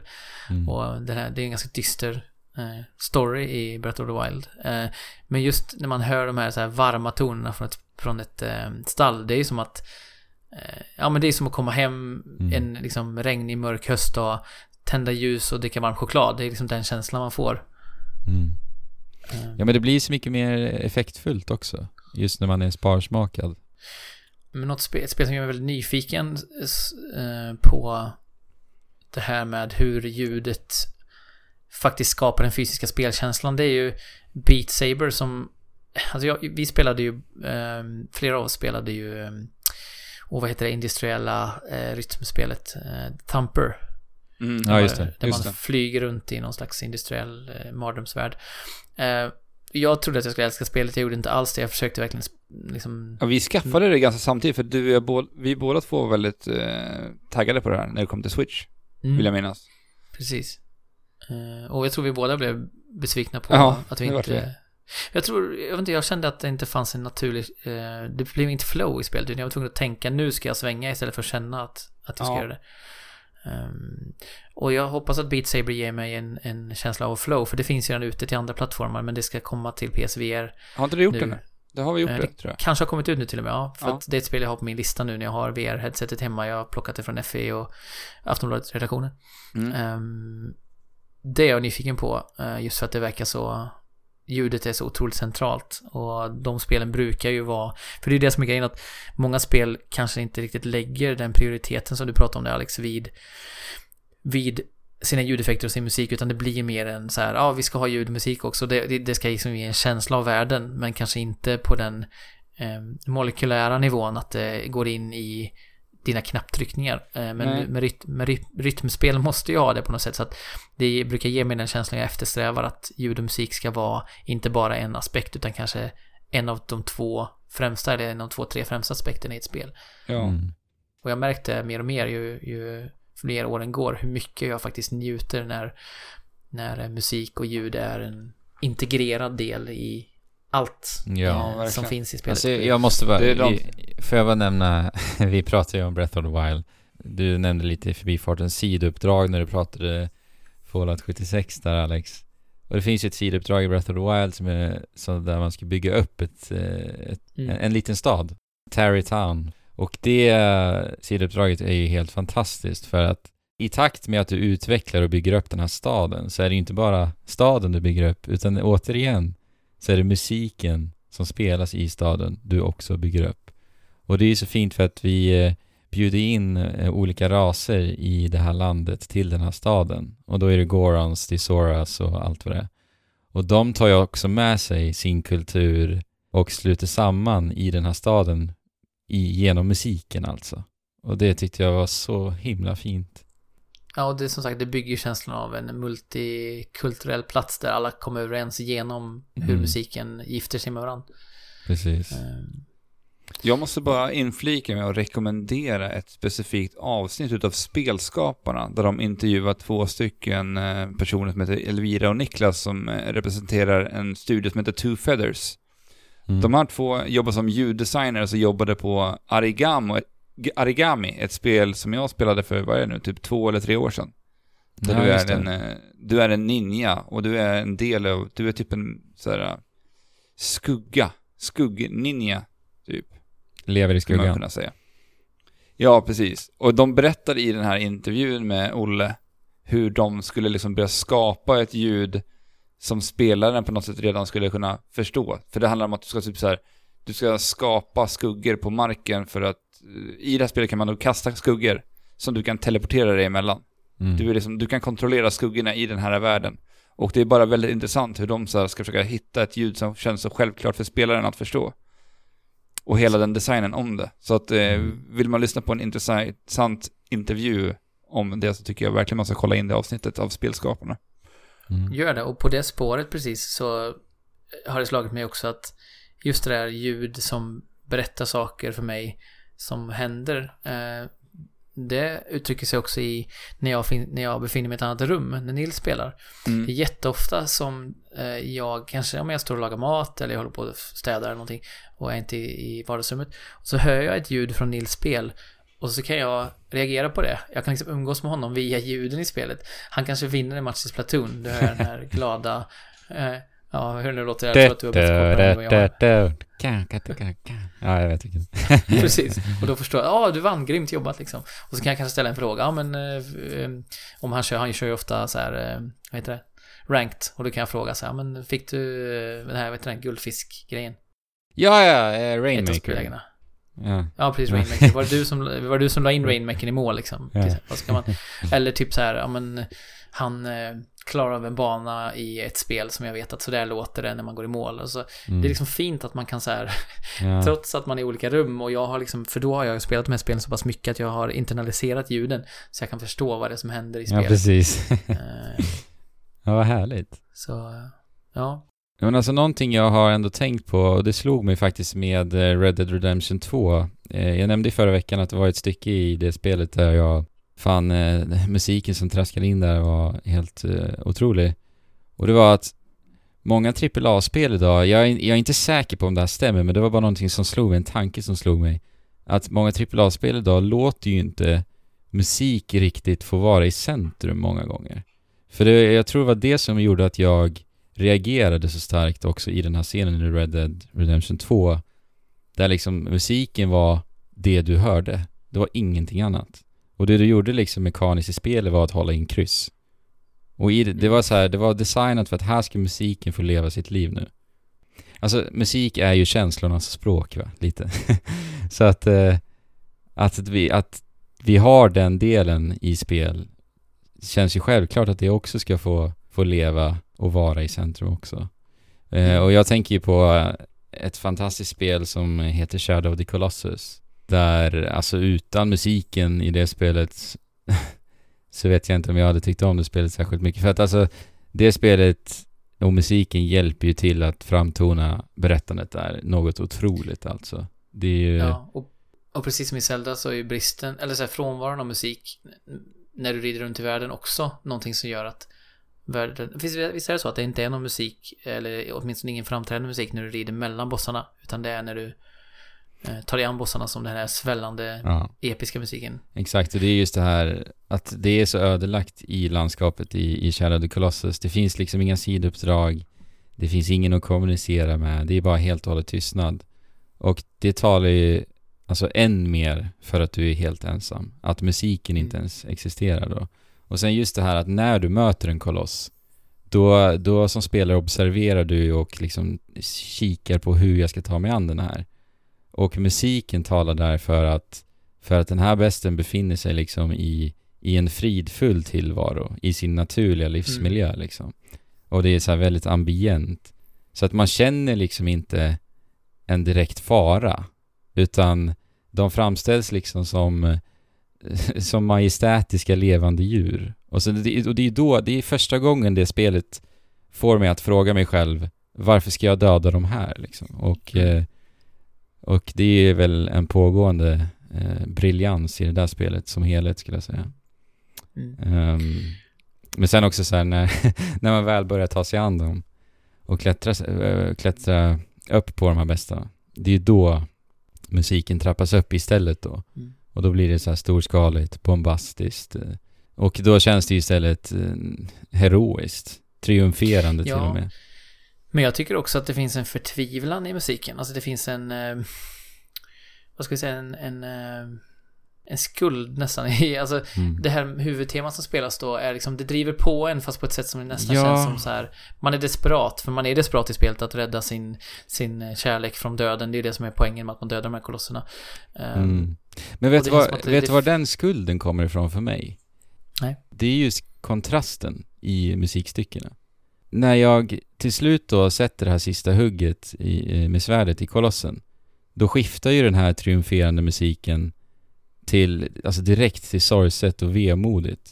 Och liksom dystert helt enkelt. Och det är där jag får den här skulden och känner, men vänta nu. Då, då, då, då dras jag tillbaka till att ifrågasätta vad det är jag gör. Alltså den kontrasten. Mm. Det är som att man blir bärsärk för en stund och sen rycks man tillbaka till verkligheten och inser vad man Ja, egentligen har ställt till med i princip. Ja, för att eh, när jag blir berserk, då säger spelet till mig ja, det, det är så här du ska göra. Då, då förstår jag, så här, då rycks jag med liksom. Och sen, Mm. ja, det, och det är en känsla som man liksom strider emot annars. Så, så. Mm. otroligt, otroligt eh, användande av musik i det där spelet. Verkligen. Och jag har märkt en annan sak som eh, Supergiant Games, som är en av mina favoritstudios, är inte ensamma om, men i alla fall ganska unika på, är att eh, de använder ju ofta en eller två låtar i sina spel mot slutet av spelet eh, som har sång i sig, som har text i sig. Mm. Ehm, och det är ganska sällan som, jag är förvånad över det, att det är ganska sällan det används i spel ändå. Det är mycket cinematisk musik och, och ambiens, men det kan få en väldigt stark effekt när det kommer in en röst rätt som det är. Man är vänt, har spelat ett spel i många timmar och sen plötsligt så, Mm, ja, som verkligen. i Bastion till exempel, en av de sista banorna så, så är det någon som pratar om den här muren som, eh, som man river ner och, och det är också så i det spelet att man är hela tiden tveksam på, är, är jag hjälten eller är jag liksom en Mm. skurk som håller på och river ner allt det här? Och, det, ty det, tycker jag, just att, att en text kan också sätta ytterligare, utan att, alltså det måste ju ske med fingertoppskänsla så att det inte är skriven på näsan, men men eh, jag tycker Supergiant Games lyckas extremt bra med det. Och Pyre som liksom består till väldigt stor del av sitt ljud på många sätt. Där är det också så att det finns en melankoli som är otroligt påtaglig i, i eh, bossstriden i det spelet, där man ska kalla det. Eh, utan att avslöja för mycket. Och, och där kommer den här sången in som en perfekt eh, inramning. Mm. Men, men eh, tillbaka till eh, Bastion lite en stund. Är det inte så att en av de här låtarna är återkommande och att den ändrar lite, lite sound och lite framtoning också? Mm. Jag har jo, inte lyssnat det... på Bastion soundtrack på länge nu, men jag vill minnas att det var så att den förändrades den här låten. Jo, jag tror att den kanske heter som sagt olika saker också. Jag, ja. Det är ju en, det är en karaktär som man förväntar sig ska vara på ett sätt och sen visar sig att nej, oj, den var visst Fantastisk, fantastisk soundtrack för övrigt. Mm. Och sen när du nämner Supergiant Game, då vill jag bara nämna en, en liten detalj i Transistor. Det är att det finns ju en knapp för att nynna med eh, protagonisten Red ju. Kan man då nynna till musiken, den här bakgrundsmusiken som spelas i spelet. För hon har ju mm. tappat rösten. Och hon är ju sång sångerska. Jag tror att jag sa det senast, det var ett av svaren i Jesper och det är ju att jag har den nynnande som min ringsignal på min telefon. Ja. Så jag blir lite sorgsen varje gång de ringer. ja. Men jag, jag, kompositören till, eh, eller Supergiant Games kompositör, eh, han är ju, jag vet ju att han är ju med i eh, spelutvecklingen från, från start. Alltså han är ju en del mm. av, av liksom grunden i, i deras spelutveckling. För de, mm. de tar ju musik och ljud otroligt seriöst där och det märks ju jättetydligt i deras spel. Ja men ljud är ju verkligen ett äh, ämne som engagerar mig och nu märker jag ju att äh, engagerar er också. Det kanske inte är så konstigt med tanke på att ni är liksom musiker i grunden på något sätt. Men ni som lyssnar också, eh, kom gärna med konkreta exempel på stunder i spel där ni erkänt att här gjorde ljudeffekten eller, eller musiken hela skillnaden. Det här var liksom ett ögonblick som inte hade existerat utan hur man jobbade med ljud och, och musik. Mm. Um, så ja, jag skulle, vi, vi kan fortsätta diskussionen off-air för annars blir det liksom en eh, så här, tre timmars diskussion och vi, ja, vi, får, vi, vi, och vi rör oss mot slutet på podden men vi har faktiskt sparat, jag vet inte om det är det bästa till sist men, men någonting naggande gott till sist i alla fall. Ja men det tycker jag. Det var ju succé förra veckan, Jesper. ja, det är ju då min gamla mellanstadietävling som går in som under det här tävlingssegmentet som vi har i, i Trekrafter. Drog du den igång i eh, mellanstadiet alltså? Ja, jag började med den i typ trean, eller tvåan, trean, typ på så här eh, roliga timmen om ni kommer ihåg att man hade det. Mm. Um, och då fick jag uppdrag eh, att hålla i, i roliga timmen igång och då, då kom jag på det här konceptet Jesperdy som ju är ett helt originalkoncept som jag inte har lånat någonstans ifrån. Nej, hade, hade ni så här på roliga timmen att ni skulle ta med, eller att ni skulle ta med så här frukt och sånt också? Att ni, de sa det dagarna innan att glöm inte att ta med frukt idag. Mm. Jag kommer ihåg att det var, ofta var det kanske liksom kakor och sånt hade vi ofta. Så det blev liksom en riktig höjdpunkt. Och, mm. Ja, nej men det, det är kul. Det verkar i alla fall som att eh, lyssnarna också tyckte om den tävlingsformen. Så jag tänker vi, vi kör en favorit i repris idag helt enkelt. Mm. Mm. Roligt, jag är eh, peppad. ja, en ny omgång av Jesper och nu saknar vi ju eh, segraren från förra veckan så då har ju ni faktiskt en chans. Vi kommer få en ny segrare den här mm. veckan. Ja. Fabian eh, tog ju hem det på eh, att han kunde vad Anna eh, ropade under sin ult. Just det, det var Just det. det. Han hoppade ju in där och stal frågan från dig tror jag, Andrew va? Ja, precis. Men vi gör så, vi, vi får slumpa ordningen här. Alex hade kanske lite otur med eh, frågornas, eh, eh, liksom hur layouten på frågorna blev. Att du fick några frågor som kanske upplevdes som svårare än andra. Så att eh, du får börja idag och säga ett eller två så ska jag, har jag en ordning i min, i min hjärna här. Ja men jag säger, jag kör på ett. Ja, då har du äran att börja då, Alex. Ja, tack. Och jag kan, säger jag, jag kan två. dra regler. Ja, bra. Det är som det är när de lottar eh, SHL-slutspelet så ska man alltid ta fram den sista lappen för att visa att det står rätt lag i lottningen. Ja, okej. Okay. ja, det står det Skellefteå på den här lappen. Ja, det hoppas vi att det gör. Så skämtar de alltid lite så här lamt. Samma skämt varje år. Nej. Um, hur, hur, som helst, reglerna då, bara lite korthet för er som kanske inte lyssnar på förra avsnittet eller inte kommer ihåg. Det är ju tre svårighetsgrader.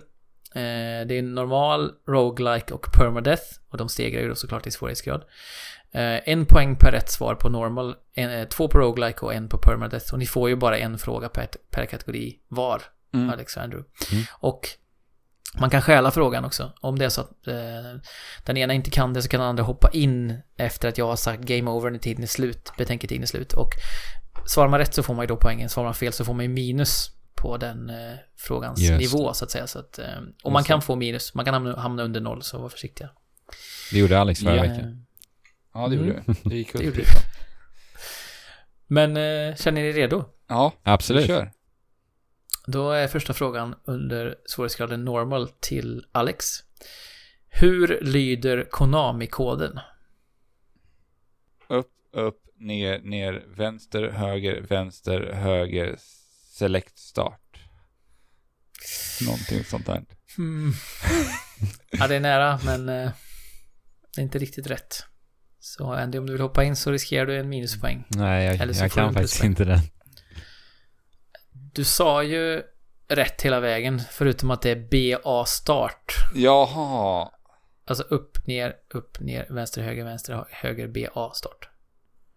Nej då. Så att, eh, men det var, det var ett bra försök. Mm. Andy, första frågan. Ja. Jag tror att du fick den, den här liksom kategorin förra gången också. Okej. Vilket yrke har Mike Hagger från Final Fight-spelen? Oj. Final Du fick Fight. ju frågan om Red förra gången, som sagt, vilket yrke hon hade. Mm. Alltså Final Fight har jag ju noll koll på, men jag gissar på militär. Nej, det är fel. Vill du stjäla frågan här? Eh, ligger jag på Alex. minus nu? För att jag gissade fel förra gången. Nej, det är bara när man stjäl frågan man kan få minus. Alltså, jag, jag vet ju hur Mike Hagger ser ut. Jag har ju aldrig spelat Final Fight. Men jag tycker ju att han, tycker ju mig att han ser ut som en byggarbetare alltså. Jag chansar på att han är en byggarbetare. Alltså. Alex kliver in och chansar på att han är byggarbetare och det är faktiskt fel, så du får en minuspoäng. Okej. Han är ju borgmästare för guds skull. Jaha. Han, han, ser- han, han ser inte ut som en borgmästare. Nej, det är det som är så roligt. Han, Ja. han har ju typ så här hängselbyxor och bar överkropp. Ja, Eh, Men han går runt och rensar upp i stan som borgmästare. ja, ja. Så att, eh, ja, det är det han är. No- Noll minus ett då, för ställningen efter första svårighetsgraden. Det är Ja. ju oroväckande. Okej, roguelike då. Alex får första frågan. Eh, Vem är huvudperson i Playstation-spelet Apocalypse? Eh, Bruce Willis. Ja, det är rätt. Två poäng. Tack. Snyggt. Har ni spelat Apocalypse? Ja, det har jag faktiskt. Jag känner igen det. det Eh, jag, vill minnas att, jag vill minnas att Bruce Willis var med i flera spel på Playstation-tiden. Att det inte Mm. bara är Apocalypse, att det var något annat spel också. Jo, det är det ju. Det är femte elementet. Just det. Mm. Men Apocalypse är väl inte baserat på någonting, eller? Är Nej, det utan de bara ville ha Bruce Willis med i spelet. Ja. Det, det var, jag minns det som ganska kul, det var förmodligen ganska dåligt, men jag minns det som ganska roligt. Ja, då är du uppe på plus igen Alex. Plus Tackar, ett. tackar. Andy, fråga Ja. nummer två. Vad heter kortspelet i Final Fantasy 8? Ja, Men Jesper, jag kan ju ingen Final Fantasy. Bara nej. Final Fantasy 10. Nej, jag kan Har du märkt faktiskt temat på dina frågor här Andy, för övrigt? Det är bara FF-spel. Först Ja, var det just Final, det, Final Fight, och sen är det Final Fantasy. Ja, nej, jag kan Ja. inte. Ja, jag kan, inte in? den, jag kan inte den heller. Triple Triad heter det. Okej. Okej. Det har också en fantastisk musik på tal om dagens tema. Ja. Eh, det... Du, du, du, och så börjar det byggas upp och så blir det väldigt så här, man får en väldig puls när man sitter och spelar spelet. Och vinner man, man spelar mot alla NPCer typ i spelet, eller många NPCer i alla fall. Mm. Vinner man så får man ju välja ett av deras kort, vilken som helst i kortleken. Och så motsvarande förlorar ett kort till NPCn om man eh, förlorar mot dem. Och det, det leder till en evig spiral av att om man förlorar så måste man spela igen för att vinna tillbaka sitt kort. Lite som så här kasino, liksom missbruk, Jaha. att man måste bara så här, fortsätta spela för att vinna tillbaka sitt kort. Okej, okay. Permadeath, sista kategorin och det står alltså eh, 1-0 till Alex. ja. Nej? Jo, det, Är det så? ja, det borde det vara. Jag har ju fått Ja. noll. Ja, precis. 1-0. Okej Alex. Ja. Vad gör Shredder i filmsekvensen som inleder Turtles in Time och som är grunden till storyn i spelet? Nej, jag, jag kommer inte ihåg alltså. Nej, jag har faktiskt inget bra att chansa med. Jag tänker bara att han, han klöser upp hela, hela världen. Det, är lite som, det var lite som frågan förra avsnittet med eh, King of Cosmos. Det var Ja. det han gjorde med sitt tennisracket. Men det, nej, det är tyvärr inte rätt. Men vill du hoppa in här Andy? Nej, jag har ingen aning. Han stjäl ju Frihetsgudinnan. Jaha. Ja. Jag tänkte säga att han stjäl... Lite Bowser-eskt. Ja, precis. Jag tänkte säga Ja, att han stjäl pizzor från, från turtlarna, men... Ja, det hade varit en bra gissning. Eh, han flyger in med sitt jetpack och tar, släpar med sig hela... Eh. Jetpack också. Det är ju perfekt. ja, okej. Spänningen stiger för nu är det så. Här skulle ni inte ha lite så här eh, dramatisk musik eller någonting som pumpar igång Ja. lite grann. Okej. Eh, för nu är det permadeath-nivån och eh, Andys sista fråga. Och tar du den här så vinner du, missar du så Okej. förlorar du. Mm. Vad heter röstskådespelaren för Cortana i Halo-spelen?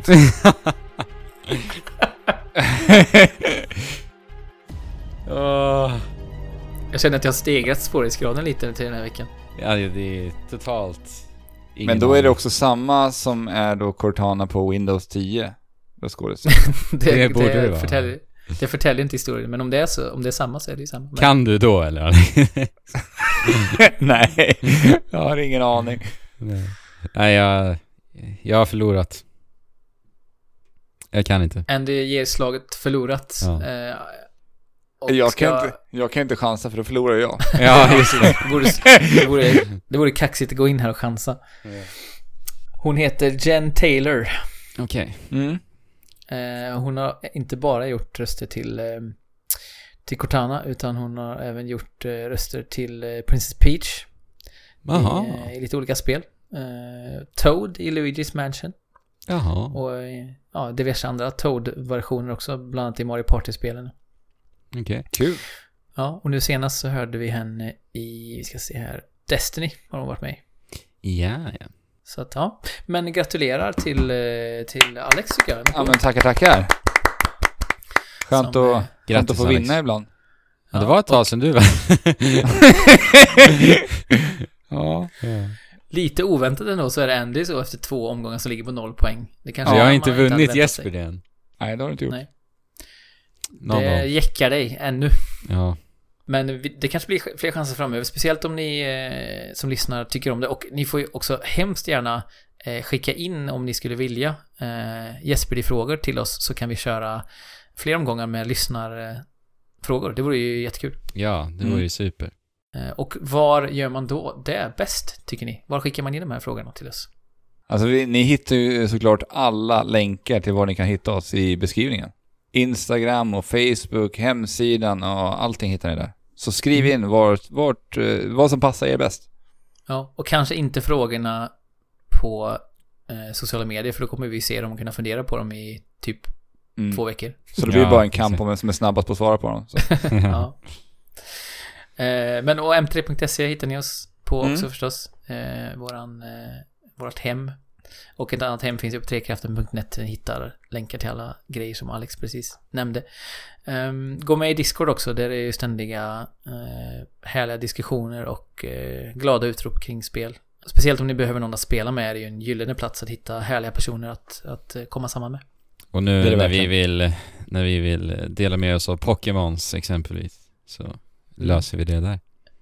Ja. Lyssna på Andys Pokémon så här ljussignal som sveper fram och tillbaka över Discord och försöker hitta någon Och så, om, det, om det är någon som sitter där med Let's Go Eevee så måste ni ju definitivt joina discorden för att hjälpa Andrew att fånga alla 150 Mm. Pokémons. Mm. Det är ett rop på hjälp som jag Mm. avslutar med dagens podd med. Det är det. Ja. Så, spela på och Chip! Tjola!